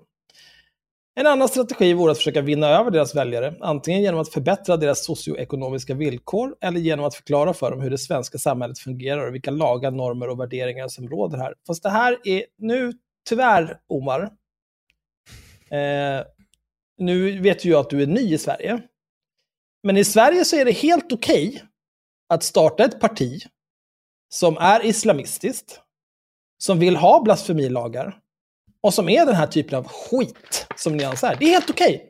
Det är i enlighet med svenska värderingar och lagar. Så du kan sätta dig ner. Mm. Det enda grejen som vi har glömt med det, det är att hur vi bekämpar det och hur aktivt vi försöker motverka det inom demokratins ramar. Till exempel skulle man kunna tänka sig att det här låter ju som det passar in väldigt bra på Sverigedemokraterna också. Och hela deras politiska karriär och allt ifrån att de gick och heilade tills att det kommer fram att de fortfarande heilar ett stup i sekunden. men man gör det i kostym idag. Men okej. Det är dock inte säkert att detta har något med materiella förhållanden att göra. Och det är inte alls säkert att denna förbittring hos Nyans väljare har att göra med att de inte förstår svenska normer och värderingar. Det är mer troligt att de förstår, men inte accepterar hur det är i Sverige. Mm, Jag vet inte riktigt vad han... Alltså, så det Vad här fan är bara, pratar han om? är- Det ja, här men är ju bara för att de är svartskallar. Ja. Det är för att de är svartskallar. Det är ju det enda, det är det enda Ja. som skiljer dem från Sverigedemokraterna. De är fortfarande det är mest osvenska jävla skit jag varit Ja, med om. Både det- Nyans och Sverigedemokraterna. Det här är också så här, du, du ska tala illa om alla sverigedemokratiska väljare, de är faktiskt många. Jo, jo, jo, jo, men de är också helt jävla, alltså, så, helt ärligt, hur många är de inte som är korvstoppade med SDs hittepå-propaganda om Sveriges totala förfall och att alla kommer vi dö snart och snart har vi en som president och en, eh, vad fan de var de sa om utrikesministern. Nu, nu tänker Kanske folk blir en så här, "Oj, kvinna här, som utrikesminister. Ja, nej, men här, här sitter Henrik och säger massa fult. Nej, det var Sverigedemokraterna som sa det en gång i tiden. De var så jävla rädda över att det skulle komma någon som var svart och var, liksom styra det här landet. För det får de panik över, eller en kvinna. Ja, och, och liksom så här, det, det är ju inte så här, jag har inga problem med att de här väljarna som går till Nyans, de korvstoppas också med propaganda från Nyans. Och jag har inget problem med att vissa av dem är 100% islamister. På samma sätt som jag inte har ett problem med att de är 100% nazister. Eller inte alla väljare bland SD, men att det finns eh, liksom väljare som är 100% nazister bland SDs väljare. Ja, det, Ja, det är inte konstigare än så. Men det är också så här...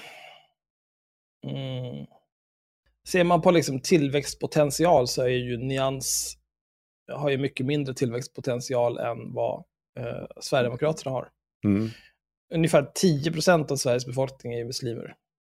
Nej, Va- Vadå nej? nej, det är mer. Det tror jag inte. Jo, det är det. Jag Okej. är ganska säker på att Kan det är du... Okej, Ja, men- fast jag... Måste vi live-googla här? Fast Det jag kan- googlade det just. Tror att jag bara drar siffror ur Ja, arslet jag som du det. gör nu? Nej, det är, jag tror att det är fler som... eh, Okej. ja, Okej, men fortsätt. Men nej, ta reda på hur många det är då. Nej, Nej, okej, så då är det 10 procent. Ja. ja visst. Ja. bra. Skönt, då kunde vi reda ut det.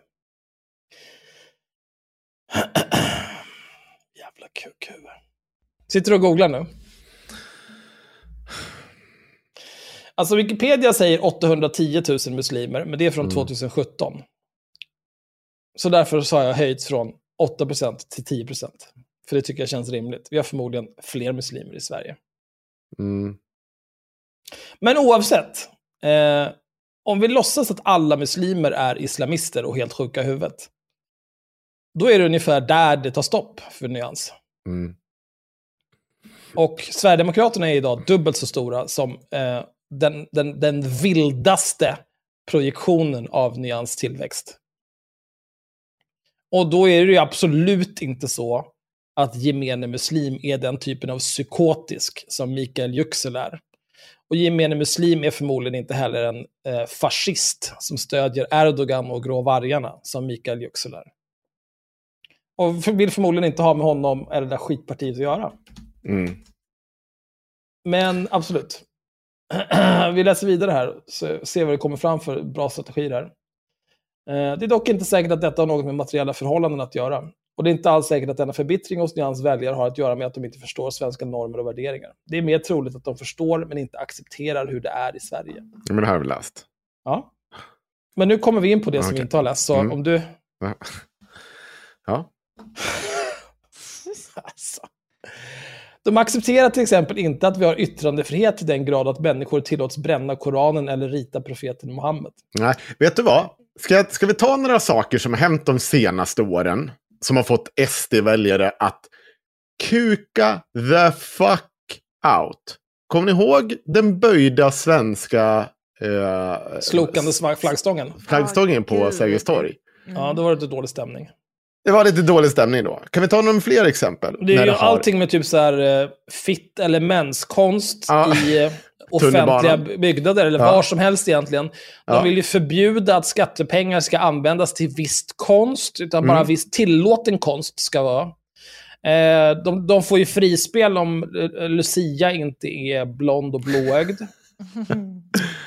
Eh, och så vidare. Och sen alla de här... pepparkaksgubbar i närheten av jul. Ja, Ja, alla skojiga skämt om typ fläsk.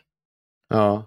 För att muslimer äter inte Alla fläsk. och barn är som inte kul. får gå i skol eller gå i kyrkan i, eh, på skolavslutning. Ja, alltså, så här, vi har ju i princip en kalender där vi bara svänger med hela Sverigedemokratiska rörelsen som bara kör på repeat år ut och år in om saker man inte får och få säga i Sverige och som bara är någon typ av helgerån mot alla fina traditioner och värderingar som vi. Chokladbullens dag. Ja, Och det är också så här, jag kan säga så här. Eh, de accepterar till exempel inte att vi har yttrandefrihet i den grad att människor tillåts bränna Koranen eller rita profeten Muhammed. Det här, om jag eh, skulle göra en så här stor grej av att eh, nu ska jag bränna nu ska jag bränna Bibeln här. mm. Och du vet varför jag gör det? Jag gör det för att jag tycker att kristna, de är pisshoror och horungar allihopa. Mm. De kan dra åt helvete. De är som kackerlackor. De kommer hit och förstör. Deras religion är ondska och de är vidriga. De är, de är värre än löss. Nu ska jag bränna Bibeln för att Mm. manifestera mot det här. Hur tror ni att det skulle tas emot? Skulle alla bara här, bra. Jag stödjer din rätt. Jag tycker inte att det här är bra det du gör här, men det är så jävla modigt att du, du tar det här för yttrandefriheten. Mm. Jo, jättemycket. Kom ihåg Och så här, ecce homo. ja. Fan, ja, det är någon som har ritat Jesus som bög här. Det är dags att kicka ur honom att det bög! Eller skrev fan SD lika, SD lika med rasister med krita på eh, asfalten inför SDs vårtal. De här jävla två tjejerna som man rotade fram, som var ju, jag tror att de var 15, 16 eller 16 och 17. Som fick liksom mordhot i flera dagar Ja, jävlar vad bra ni är på det här med yttrandefrihet. Och det var era ju- jävla apor. Anledningen till att de fick det var för att eh, Samhällsnytt, eller då Avpixlat, som Mm. drevs och drivs av Mats Dagerlind och Kent Ekeroth, Mm. eh, letade upp de här tjejernas, de här minderåriga tjejernas Facebook-profiler och publicerade det. I en artikel om att de var någon typ av så här Sverigefientliga och hej och. Mm. Vilket resulterade i att de fick mordhot och våldtäktshot och annat eh, mysigt från ja, Sverigedemokrater. För de är För så bra på Sverigedemokrater är yttrandefrihet. horungar. Mm. Ja, just det. Yttrandefriheten är så himla viktigt. Ja, men vi fortsätter. Snart Ja, kommer han nog med sin goda poäng. här. Snart kommer nog jättebra poäng här. Mm. Niklas Orenius skrev nyligen om en pakistansk IT-tekniker i Rosengård som säger att han är socialdemokrat i grunden, hyllar välfärdsstaten och omsorgen om invandrare, men som ändå röstade på Nyans. Anledningen är att han blev så upprörd över Paludans koranbränning och att enbart partiet Nyans lovade att förbjuda detta.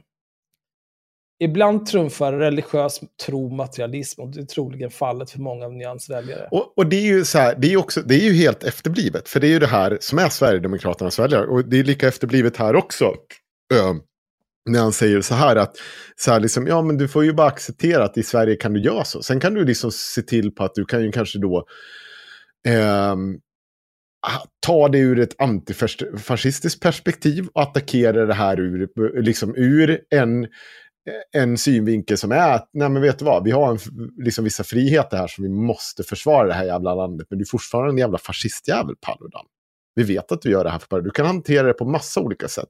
Men så här, tyvärr är inte din koran undantagen här. Det är, det är snickesnack. Det finns andra saker i Paludans agerande som jag tycker definitivt borde falla under någon typ av hetslagstiftning, eh. Men inte just att han bränner koranen.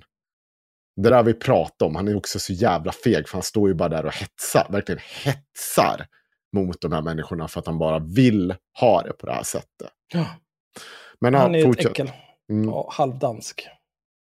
Ytterligare en strategi vore att möta partiet och dess väljare halvvägs och kompromissa med några av våra grundprinciper. Mm, som man gör med Sverigedemokraterna. Det beror på. Detta skulle dock undergräva vår liberala demokrati och yttrandefriheten skulle inskränkas när det gäller kritik av islam. Alltså, jag är inte rasist. Men, men alltså det... It grinds my gears när han håller på och pratar om vår liberala demokrati. Alltså, nigga, you just got here. Ta sätt till det, var tyst i några år och dega in lite skatt innan du börjar prata om vad som är vårt här. Han är väl, han är, jag tror han blev medborgare nu. Så nu är han väl svensk. Eh, ja, jag vet att också. Ahmed blev det precis innan valet så att han fick rösta. Det var bra. Ja, det var, ja, kanske var han. Det kanske var- Oman Wakram också. Ja, jag vet. Jag kanske, det säger jag bara så jävla rasist att jag inte kan hålla det här. Ja, nej, men jag hoppas att han också blir svensk medborgare om han inte redan är det. Det är bra. Ja. Strategin att isolera och stigmatisera SD har slagit tillbaka och sannolikt fått partiet att växa ännu mer. Det betyder dock inte att samma strategi skulle leda till samma resultat med nyans. Detta är av en enkel anledning, demografi. Ja, men här kommer han ju ta upp samma sak som jag pratade om. SD riktar sig till etniska svenskar och assimilerade invandrare och därmed kan dess potentiella väljarbas säga vara mer än 80% av befolkningen. Nyans å andra sidan riktar sig till konservativa muslimer. Hela Sveriges muslimska befolkning beräknas av Pew Research Center vara runt 8%. Bland dem finns sekulära och liberala muslimer, vilket gör Nyans tillväxtpotential mycket begränsad. Ja, gud. Det här hade du kunnat skriva i andra stycket, hade vi sluppit läsa den här pisstexten. Pragmatiskt sett har vi inget att vinna på att kompromissa eller normalisera Nyans och deras idéer. Däremot har vi mycket att förlora. Därför bör vi inte ge efter en tum och stå emot alla försök till att etablera antidemokratiska värderingar i Sverige. Det här är också en sån jävla konstig grej. Så det han säger är, eh, för det här, det, det, det var ju koka ner till. Om du är fascist och kan nå 80% av befolkningen, då ska du inte... Då är det okej. Då är det okej. Är du fascist och bara kan nå 10% då ska du motverka det med alla stå, tillbudstående medel. Mm. Alltså det, jag skulle säga att det finns... Eh, om jag skulle det satsa, om jag blir tvungen att välja här. Om jag bara blir tvungen, nu behöver jag ju inte välja, för att man kan bekämpa båda. Då känner jag att de här som har potential att ta 80% av befolkningen, det är lite viktigare här. För de, Mm, det är lite, det, de, kan, de vill ju att Sverige ska bli mer som Ungern. Som nu inte en, ens liksom ska räknas som en demokrati inom EU. Nej. Jag vet inte. Jag tycker att det är lite... Det, det, det, nu, är är vi problem. där tillbaka, nu är vi där tillbaka till det jag pratade om tidigare. Vad är det vi ska bekämpa här? Är det en strukturell rasism? Eller de som kan skapa strukturell rasism? Vi, vi kan göra både och, jag har inget problem med det. Men om vi behöver lägga lite fokus här. Om vi bara pratar om att lägga lite fokus. Skulle jag säga att det är väl de som har potens att göra, att göra det här ordentligt. Eh, ja, Mm. alltså... Sverigedemokraterna fick 50 gånger fler röster än vad Nyans fick. Mm. Så det är väl, man kan säga att det är ett 50 gånger större problem. Ja.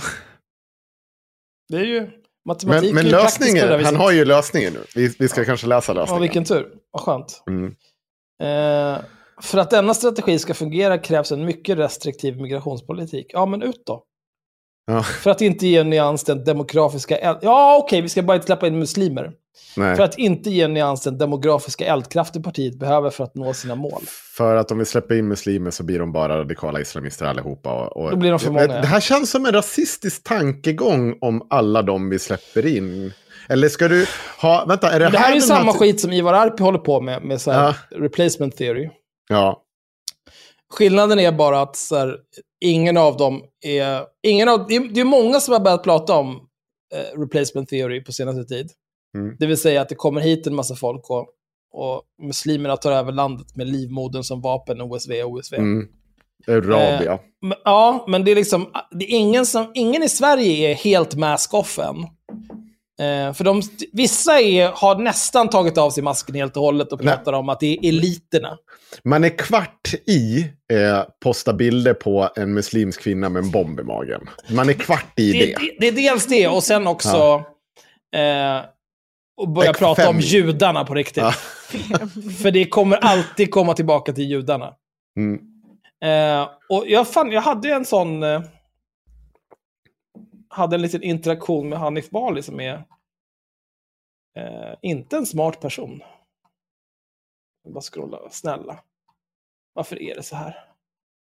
Det är så mycket bajs på Twitter alltså. Jag ska läsa klart den här skräptexten först. För att denna strategi ska fungera krävs en mycket restriktiv migrationspolitisk migrationspolitik för att inte ge nyans den demografiska, demografiska eldkraften partiet behöver för att nå sina mål. Det är inte någon mening att försöka förändra de som redan har röstat på nyans. Va? Det är klart det är det. Det finns inget bevis för att sådana försök lyckas i stor skala när det gäller vuxna. Däremot finns det all anledning att försöka lära barn och kommande generationer att värdera yttrandefrihet, sekularism och demokrati högt så att de värderingar som ledde till uppkomsten av nyans inte förs vidare i framtida generationer. Ja, det har han ju rätt i. Men det är ju också det som kommer att stävja eh, SDs tillväxt och nuvarande väljarstöd. Mm. Att folk slutar vara obildade grobianer. Eh, oavsett om de är... Eh, här, eh, Tobias Hübinette har skrivit på Twitter. Cirka år 2030 kommer cirka 55% av alla invånare mellan 25 och 64 år att ha utländsk bakgrund. De flesta av dem kommer att vara synliga minoriteter. Andelen utrikes födda pikar cirka år 2045 med 23 procent och då kommer cirka 50-55 procent av alla invånare att ha utländsk bakgrund. Eh, och då har Hanif Bali skrivit 90-talet, detta är en högerextrem myt. 00-talet, detta är en högerextrem myt. 10-talet, detta är en högerextrem myt. 20-talet, vad är problemet med det då? Och liksom... Alltså han är så jävla pantad. Han är så jävla Obildad jävla pajas. Han är så jävla taggad på att gå helt i linje. Men alltså så här, det, det är hela tiden så här. Det, det, vi ska förskjuta hela narrativet till att bara handla om att ja, men Nassan hade rätt så att vi kan jobba ihop med SD. Och han Ja, kan men det är ju också- det vore väl bra om han också bara går med i SD någon gång, tycker jag. Jag tror Ja, att det det vore lika bäst bra. för honom och Då Sverige. får han komma ut. Mm. Men det här med liksom demografiska förändringar. Eh, det, är liksom, det är aldrig någon som har påstått att det är en högerextrem myt. Att andelen människor med utländsk bakgrund på ett eller annat sätt i Sverige kommer att öka. Det är inte en högerextrem myt. Den högerextrema myten är att det här sker för att judarna vill förinta den vita rasen. Ja, och eh, att det- finns också en så här, det, ett tänk om att de här människorna är för evigt eh, apor från djungeln och att de liksom aldrig blir civilis- civiliserade och aldrig blir en del av ett samhälle. Jo, jo, visst. Men det är ju liksom... Det, ja, de är Mm. nazister. Och att de för evigt är just också invandrare. Att de blir aldrig... För Ja, det är ju också ja, någonting nazister. jag jobbar stenhårt på. Att man ska definiera om vad som är en svensk. Att du ska liksom ha fler generationer tillbaka i tiden för att du ska få definiera som svensk i statistiken. Mm. Ja, men det, alltså det blir svårt. De har ju många det kommer skapa problem för. Mm. Kent Ekeroth och hans brorsa liksom. Mm. Är ju från någon jävla... Jo, men det är ju, de är ju, det, det är ju det Sverigedemokraterna är och alltid har varit. Och det har, så här, de har alltid, sen jag hade mitt första samtal, alltså så jag satt, ehm, eh, jag tror det var, alltså liksom, det vi pratar, 2008 så pratade vi om Sverigedemokraterna 2009 som en öppen nationalistisk, att man ska inte definiera dem som eh, tidigare eh, rasistiska rörelser. För det här är en rörelse som inte har något problem att plocka in en svart person så länge du säger att andra svarta är dåliga. Enkelt förklarat.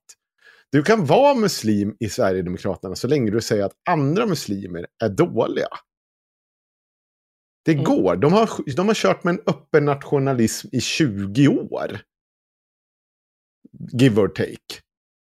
Så det är ingenting nytt under solen. Det handlar bara om hur mycket du är villig att gå med på. Ja, vad hade du mer att säga om... Hallå? Nej. Ja, vad bra. Vi ska, jag tänkte att vi skulle hoppa vidare då och eh, styra tillbaka spåret, eller fortsätta på spåret med Sverigedemokraterna och eh, eh, men att hoppa in på Valeries brorsa, Malcolm Tjene Backström. Han heter bara Tjene. Tjene, ja, okej. Ja, jag kanske- Om, man- ja. om man ens uttalar det så. Vem vet? Han har, han, det är inte så att han har rättat oss i alla fall. Jag tänker börja med det lite lätt som var idag. Eh, och ehm, för att eh, det tyckte jag var intressant. Det är ingen hemlighet att eh, Malcolm, Malcolm sitter i förtroenderådet för Oikos. Det verkar vara det enda svenska uppdraget han har kvar just nu. Det verkar inte vara så att han får vara kvar på GP eller någon annan tidning så vitt jag vet. Han är ju jättebra buddies med Omar Makram och så vidare. Det är lite roligt för övrigt. De är så jävla trevligt när de träffas. Men han är också en eh, putinist utav bara helvete. Han sprider Rysslands propaganda dagarna i fucking ända i parti och minut. Och vi har berättat om det här i tidigare avsnitt. Hans stora grej är att eh, Europa står inför en ekonomisk kollaps på grund av det här kriget. Och egentligen handlar allting om att Malcolm bara värnar Sverige mer än allting annat. Och det betyder att kunde han trycka på en knapp och alla Ukraina eller Ryssland dör så spelar inte det en roll så länge det gillar oss. Och han tänker bara liksom i materiella tankar att så länge eh, liksom, eh, om vi får lida av det som händer i Ukraina då ska inte vi lägga oss i Ukraina. Som om att det inte fanns konsekvenser av att inte lägga sig i Ukraina-kriget. Som att det är bara någonting man kan titta bort från i, i liksom det politiska läget i världen.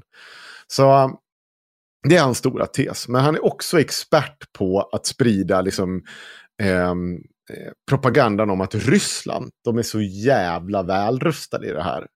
Och det var så kul, för idag så skrev han så här. Western policy is basically completely counterproductive in getting the Russians to give up on the war due to economic or material concerns. We have an OPAC, O-P-A-Q-U-I. Opaque. Opaque, vad betyder det? Det betyder att den är... Ja. Inte genomskinlig. Genomskinlig Aha. Genomskinlig opaque. opaque. Okej. Aha, ja. Nej, det är det absolut inte.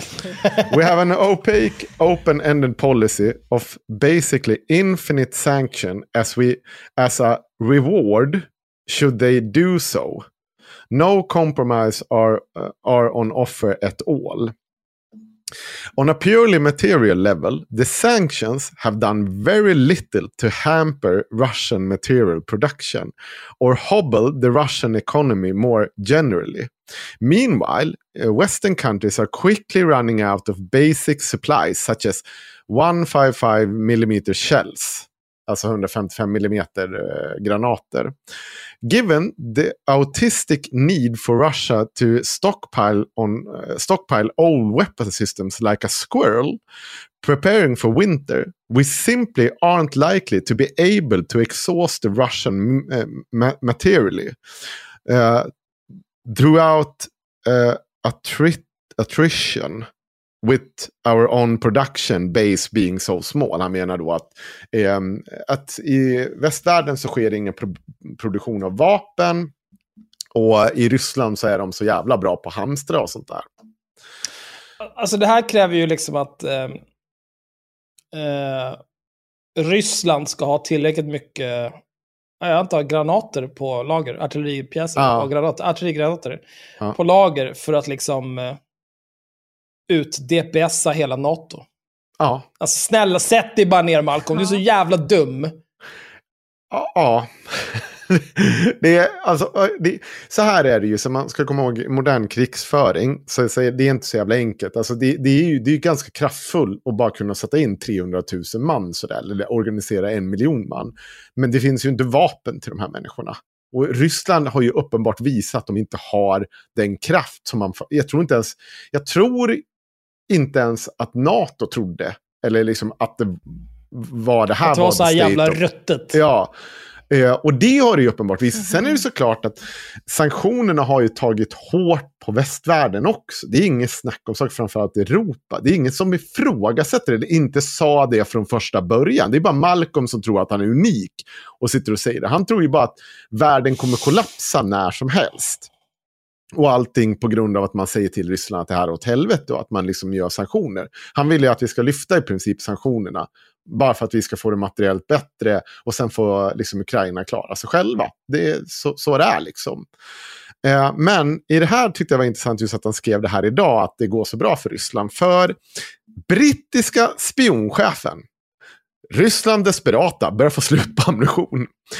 Eh, då säger han så här, vi kan se desperation på flera plan inom det ryska krigsmaskineriet, säger Jeremy Fleming, chef för den brittiska underrättelsetjänsten GCHQ till BBC. Jeremy Fleming gör sällan intervjuer om underrättelsearbete, men säger, att, säger alltså nu att deras information pekar på att Ryssland börjar få slut på såväl militära styrkor, ammunition och vänner. Wow. Vem hade kunnat tänka sig att det ju- det inte var Men, ett e- men alltså där handlar det ju också om så här, vem väljer du lita på i den här frågan? Ska du inte tro Malcolms ord över? Mm. Det är faktiskt big true. För jag känner ju rent spontant, vad vet någon i brittiska underrättelsetjänsten gentemot krigsguden Malcolm Shene? så sitter i Uppsala och Precis. spelar of Iron strategispel dagarna ända. Ja, Men det är, och, visserligen. Ja, jag Eh, tänkte... alltså, brittisk underrättelsetjänst påstod att Saddam hade massförstörelsevapen. Så att, jag menar, de är ju också horungar. Mm. Och jag, jag tänkte säga det. Här har vi ju, ja, vi- vi vet ju att underrättelsetjänster generellt gärna vill blåsa upp den egna sidan. Alltså det är ju det är en krigsstrategi och, och så vidare. Problemet är ju att vi också lever anno 2022. Där vi faktiskt kan se vem som ljuger mest. Vi kan faktiskt se det med våra egna ögon. För att det finns oberoende medier som är väldigt där och rapporterar. Så när Ryssland säger att det här är bara en lite militär speciell aktion, till exempel, då kunde vi se att det var en invasion. Och att Ryssland kanske inte är så pålitliga när de pratar om det. När Ryssland skjuter iväg 80 stycken kryssningsrobotar på strategiskt utvalda mål, då kan vi se att de kryssningsrobotarna, de landar i en lekpark, i ett liksom civilt hus, på en skola, på ett sjukhus. Vi kan se det med våra egna ögon. Och visst kan det ju vara så att brittisk underrättelsetjänst säger att så här, vet ni vad? Det, vi ser panik inom hela den eh, ryska liksom, militären för de börjar få slut på ammunition och sådär. Men vad skulle det strategiska i det vara? Mer än att ge en liten boost av moral? Varför skulle liksom det vara så jävla viktigt? Liksom? Alltså, det, det, det finns inte så jättemycket steg. Så, så, då kan man ju tänka ner steg två här. Vi vet att i västvärlden, så, för det, det, är så mycket, det är många som har påtalat det, att väst är inte lika bra på att bygga ammunition. Vi är liksom inte rustade för den typen av masskrig där man bara står och bombar varandra dagarna i ända. Vi är lite mer rustade för strategiska grejer där vi kanske går in och ja, mattbombar den här sönder den här stan till liksom ja, men till Afghanistans nivåer. Liksom det, ja, nej men, Rasism. ja. Men- liksom så här, det finns liksom, det finns, vi är rustade för lite olika krig. Ryssland är uppenbart inte, har inte ett problem med att skicka kanonmat, precis som man gjorde under liksom andra världskriget. Och bara, här, du vet, du får ta han som dör framför dig, hans vapen får du ta. Det är lite deras strategi än idag. Det kan vara förödande för Ukraina, det kan vara jättejobbigt för Ukraina. Men det betyder inte att de har fullt i vapen, Malcolm, din dumma Men alltså varför skulle de ha det? Ja, men för att Eh. han tror ju att de är någon typ av rustad världsmakt som har liksom, han tror att i den här delen av allting är så bra. Och jag tror att han bygger det väldigt mycket på att han lever i den här världen där alla är liksom, är du bara, ja men de är, de, han ser på befolkning som Putin ser på befolkning. Att det är Ja. bara liksom kanonmat som man kan skicka in. Och så länge så, så tycker han att det inte är ett problem att det är så. Att det är ingenting man ska bekämpa eller sätta emot. För att om jag, om, om han får dyrare elräkningar eller får, inte får äta sina köttbullar eh, varje dag, då är det jobbigt för honom. Ja, det är, det är ju inte så lätt alla gånger. Nej. Eh, men också, och det här, det här gjorde mig så jävla förbannad igår. När Malcolm började göra. Och det började ganska tidigt med att han är ju lite av en kvinnohatare. Och då menar jag som en kvinnohatare, det, kommer liksom lite titt som tätt, lite utspel mot kvinnor. Då var det, det började med att Pedro El Gonzales eh, retweetade, eller han delade den här eh, länken där Sanna Marin, Finlands eh, statsminister, får frågan om hur Ryssland ska ta sig ur Ukraina. Och då säger hon bara typ, "Ja, men de ska väl gå ur, de ska gå ur Ukraina. Vad är det mer du vill att jag ska säga? Det, de, ja, det finns ju är inget deras- mer att säga. Nej. Gå Och då hem! Ja, och då skriver Pedro så här. Woman pretending to be strong and brave by embracing girlboss militarism has been a disaster for the human race. Det är en så jävla konstig grej att säga just om en så finsk statsminister också när det kommer till Ryssland. Ja. Men också så här, ja, du, du tycker att killars boss militarism, det- tycker du att det har gått bra, tänker du? Tycker du det? Putin, det har gått bra här. ja, Nej, det är det är Eller toppen. typ Kim Jong-Un är väl det bästa exemplet. Eh, Little you Rocket Man. Ja, och då säger han så här. And you, remem- uh, and you are a reminder of how ridiculous this rhetoric is every time you watch a video of a female police officer being empowered by a male suspect. Hint, hint. Kvinnor ska inte vara poliser. Tänk att leva i det. Där RTR eh, förtroendemannen i SDs tankesmedja. Och sen kommer det bara en harang. Det första han lägger upp, då tar han eh, en meme som heter Oof Size. Eh, ja, det, man måste ju förklara det. Jag kan inte, se- hur fan ska jag annars göra det? Jag kan läsa vad den heter. Den heter Oof Size Large. Refers to en... vad är det? Hej och välkomna till Boomerpodden. Ja. ja, men det, ja, men så här. Ja, men fa faktiskt, så här. Jag, jag tänkte på det när jag skulle, men ni får fan stå ut med det här, för att det, det kommer till en poäng. Han har delat den här off-size memen tillsammans med, eh, vad heter det, den här kvinnan som går i Kiev och eh, där det slår ner en missil i princip i närheten. Man ser hettan i hennes ansikte av den här missilen och tryckvågen som liksom trycker. Och paniken i henne när hon går där. Men det han delar med den här memen som egentligen har den här budskapet. It was commonly paired uh, screenshots of cringe-worthy moments. Som att det skulle vara någon typ av cringe att den här kvinnan blir livrädd när hon får liksom en missil som i princip slår ner i arslet på henne. Nästa grej, det är ett uttalande från eh, Defense of Ukraine, alltså def- försvarsministeriet i Ukraina. So Ruskis, you really think you can uh, uh, compensate for your uh, impotence on the battlefield with a missile strikes on peaceful cities. You just don't get it, do you? You terrorize, your terrorist strikes only make us stronger. We are coming after you. Och så han delar det med en fet kvinna som sitter och pillar med mobilen. Det sista han... Fast för att eh, Malcolm själv är så jävla combat ready. Ja.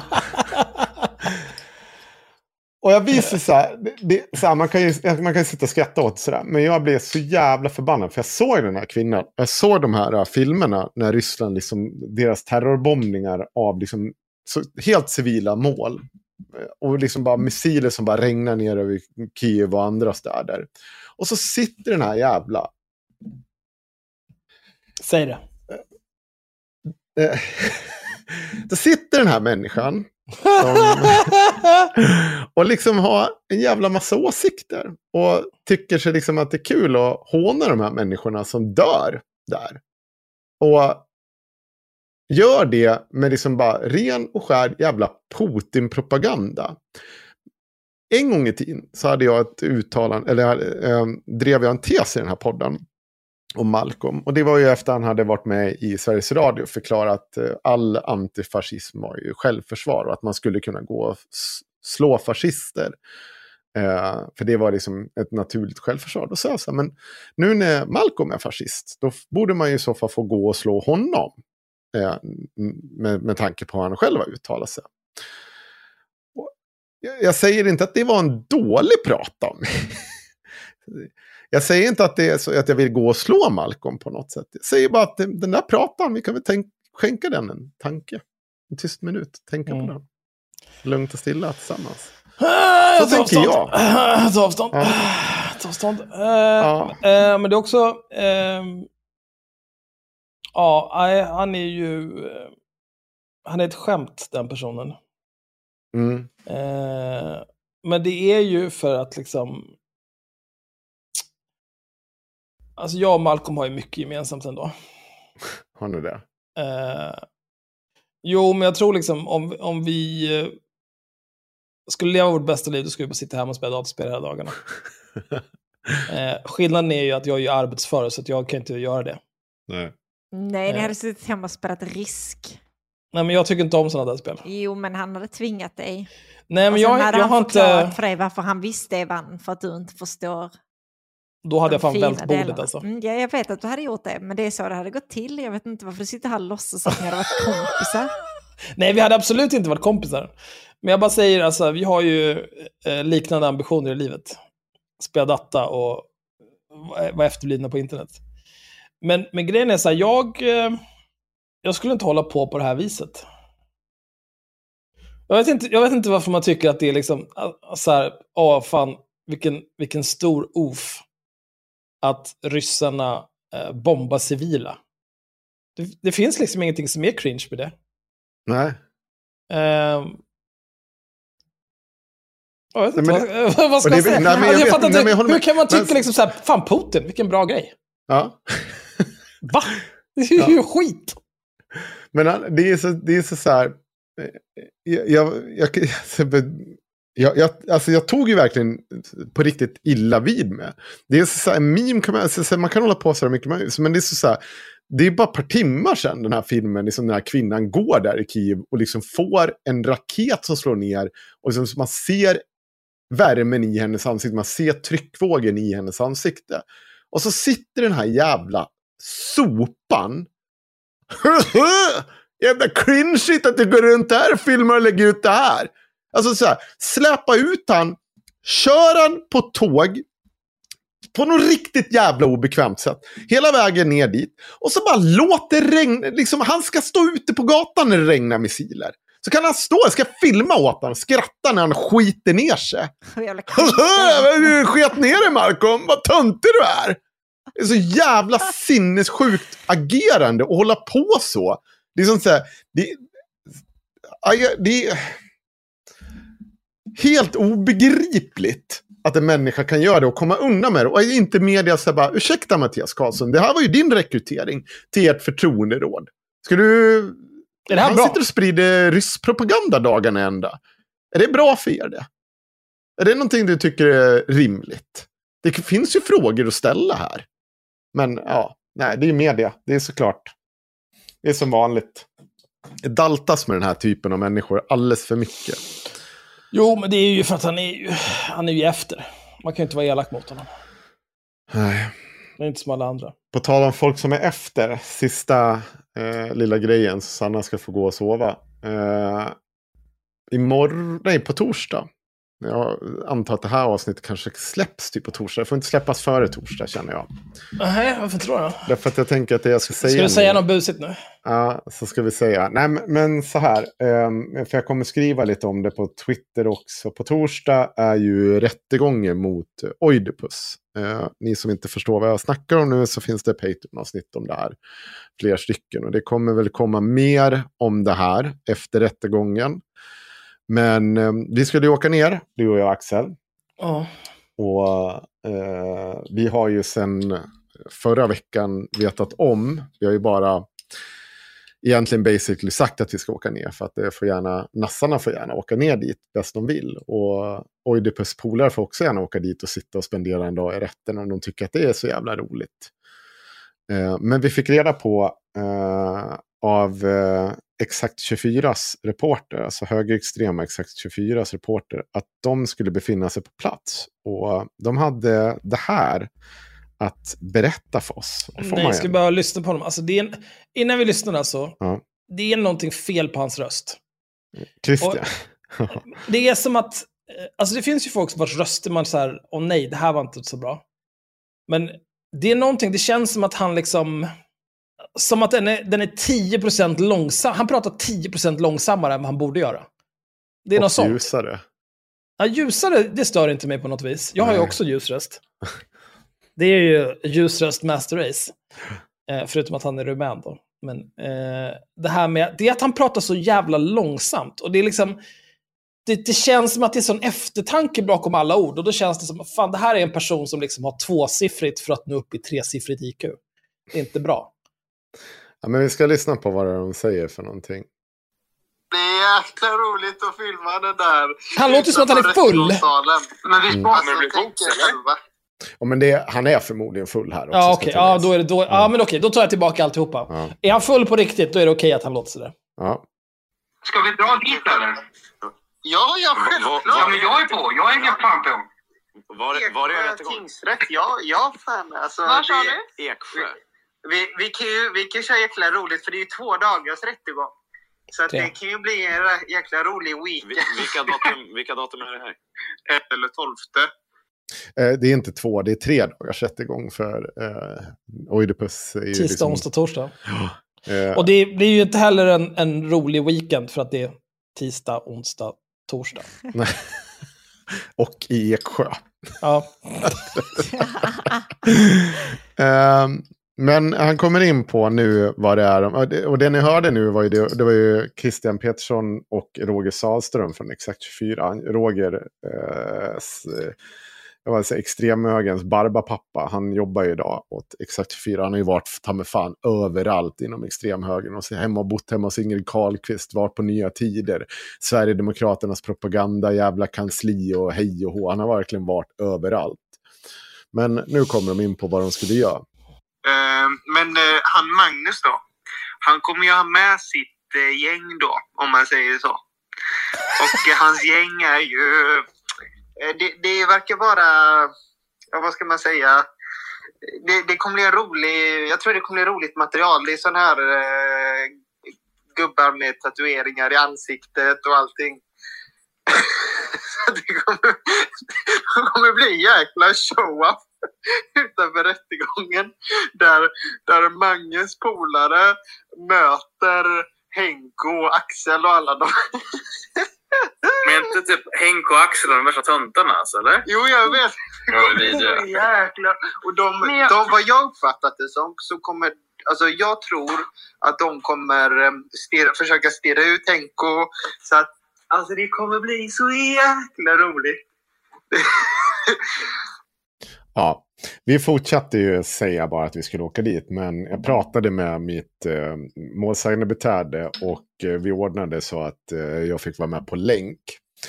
För oavsett hur taggad jag är på, jag skulle jä- jättegärna vilja åka ner dit, så tänker jag ju inte åka ner i en situation där eh, liksom man sitter och skryter om att det ska ske någon typ av konfrontation eller sånt eh, utanför rättssalen. Det känns som att eh, en ganska dum sak att göra. Det känns som en ganska mycket övergrepp i rättssak också.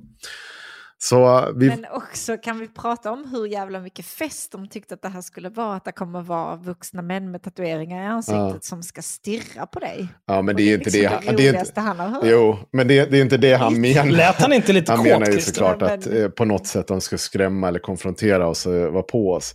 Och det här vart ju inte mindre, för vi, vi skrev ju om det i gruppen att vi skulle åka. Vi sa ju vi har ju liksom, jag tror att det var redan i onsdags eller torsdags förra veckan som jag pratade med mitt eh, eh målsägande beträde som ordnar det här. eh, att eh, vi skulle få, eh, att jag skulle få vara med på länk. Och ehm, Eh, Men vi bara fortsatte låtsas, för vem fan gläds inte åt ett bunt nassa som åker ner till eh, Eksjö i onödan? Eller att det sitter en massa folk där som inte förstår vad som händer och varför inte jag är där. Som ska försöka göra någonting får de gärna göra. Eh, men eh, vi pratade med lite folk som kanske skulle dit. Eh, eller som vi skrev, ja, vi skrev ju och sen skrev vi till dem privat att vi ska inte dit. Eh, utan att vi bara keeping up appearance. Och då har Oidipus kontaktat en av de personerna. Igår tror jag det var. Igår eller idag. Det här är så jävla sjukt. Så här skriver han. Hej där! Vänta, vänta, vänta, förlåt, bara backa nu. Detta Mm. är alltså, ni har alltså skrivit i gruppen, haha vi ska åka till Eksjö. Ja. Eller inte haha, men Ja, hej vi- vi ska åka till Eksjö. Och sen så har den här personen skrivit att ja men jag kan också dyka upp. Och Ja. sen har då Oidipus kontaktat den här personen. Precis. Okej. Mm. Hej där, Crimpod Fellow. Du var i hemma idag när jag sökte dig på adress. Men på torsdag har jag skjuts in. Vill du att vi plockar upp dig då så att vi inte missar den njutbara showen såsom juridiskt skolad Eksjö-hipster där en ombudsman ämnar krossa en missbrukare? Hör av dig i så fall så ordnar vi det. det Där kan vi jävla- snacka large oof alltså. Ja. Men också det är så jävla sjukt att kontakta personer som så bara, eh, och, och liksom så här, det är ju inte ett snickesnack om du åker hem till någon för att den säger att den ska gå på en rättegångsdag. Ja, Det- är svårt det- att missförstå. Ja, det Men det är tomt. ju, han är ju, eh, han är väl eh, högast av hög nu på vilken gangster han är. Nu när han liksom är mitt uppe i att rättegången ska dra igång. Ja, knark. Ja, han, idag har han väl haft, tror jag, för knarket eller bedrägerierna. Eh, eh, det är något av dem. Ena Det var knark en dag, Bedrägerierna en hundra dag, sen- bedrägerier. Eller hundra, men många Blocket bedrägerier. Och, sen, ditt på torsdagen. Ja, Ofredande olaga hot. Ja, två ofredande, två olaga hot. Och det är ju inte det enda. Han har ju liksom kontaktat allt. Han, han, ehm, han, har ju kontakt, han har ju skickat runt, han är ju så jävla dum så han skickar ju runt mail till halva världen också. Så att alla ser ju vad som har skrivits. Han har ju liksom riktat hot mot min arbetsgivare. Eh, han, eh, eh, ja, som nu då, en helt jävla random person som man ska liksom springa hem med oss och bete sig som en jävla psykopat. Eh, och så här håller det ju på bara. Och vi får väl se hur det går eh, under rättegången. Jag hoppas ju på att han blir dömd för alla de här brotten. Eh, det vore väl en jävla välgärning. Men vi har ju lite mer som kommer ur det där sen. Men jag tänkte bara liksom att, eh, nej tyvärr så kunde jag hade gärna medverkat där. Men det blev en säkerhetsfråga. Eh, Det, det handlar ju också lite grann om att även om man skulle åka dit, om man vet att eh, exakt 24 ska åka dit, man vill ju inte bjuda dem på något content heller. Nej, också så här, det handlar om eh, hur mycket jag kommer liksom ah, kunna hantera att någon står och gömmer sig bakom en kamera för att liksom försöka eh, filma när jag blir hotad av andra personer. Jag vet ju om vad syftet är. Jag vet ju att syftet är ju att försöka skrämma mig när jag ska gå på min egen rättegång. Och så ska det liksom då stå nazister där och filma det och gömma sig bakom kamera för att de vågar inte göra någonting annat.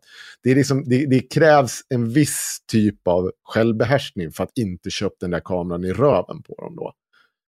Ja, det är onödigt. Det är, men det är, det är liksom samma sak som att när, när eh, Lill-Krille knackar på här och så här, "Va- va- varför ska jag öppna dörren? Vad tjänar jag på att prata med honom och låta honom filma mig? Liksom? Skiter vi honom?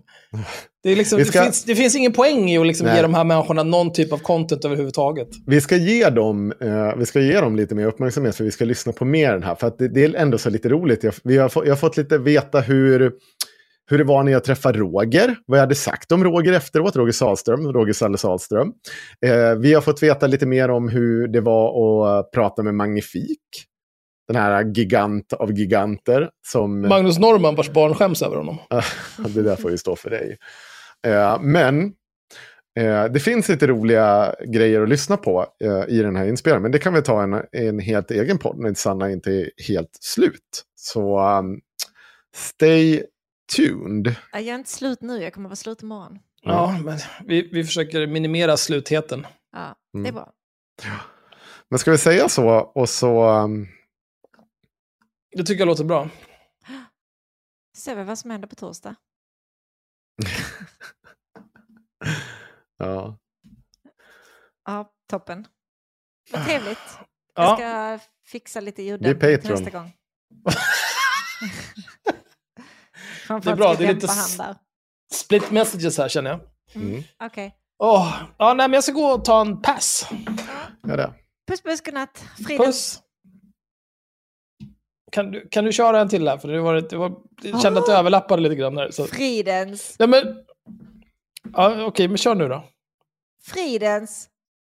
Kan vi få lite mer Ja, men- entusiasm? Nej, alltså nu. Tänk dig Kör, att... upp- kör upp tänk, den i röven Axel. Jag tänker inte säga det. Hej då. nej, men tänk att du precis har... Eh, du har precis eh, suttit i bastun väldigt länge, supervarm, och sen hoppar du ner i en iskall vak. Och så kommer du upp därifrån och så får du en eh, kall Nej, bärs och en varm hot shot i handen. Det där är rasism. Det är absolut inte. Jag älskar också basta.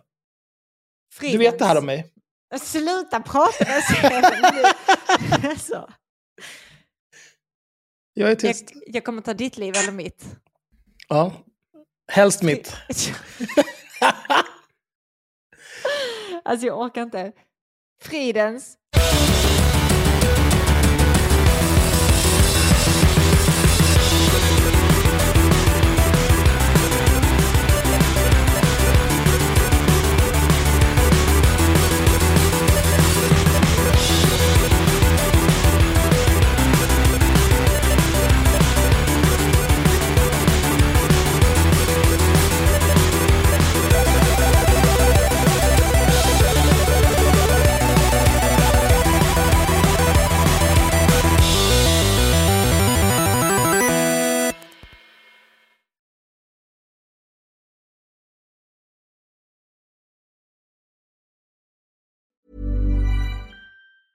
Normally, being a little extra might be a bit much, but not when it comes to healthcare. That's why United Healthcare's Health Protector Guard fixed indemnity insurance plans, underwritten by Golden Rule Insurance Company, supplement your primary plan so you manage out of pocket costs. Learn more at uh1.com. Imagine the softest sheets you've ever felt. Now imagine them getting even softer over time. That's what you'll feel with Bowl and Branch's organic cotton sheets. In a recent customer survey, 96% replied that Bowl and Branch sheets get softer with every wash. Start getting your best night's sleep in these sheets that get softer and softer for years to come. Try their sheets with a 30-night guarantee. Plus, get 15% off your first order at bowlandbranch.com. Code BUTTERY. Exclusions apply. See site for details.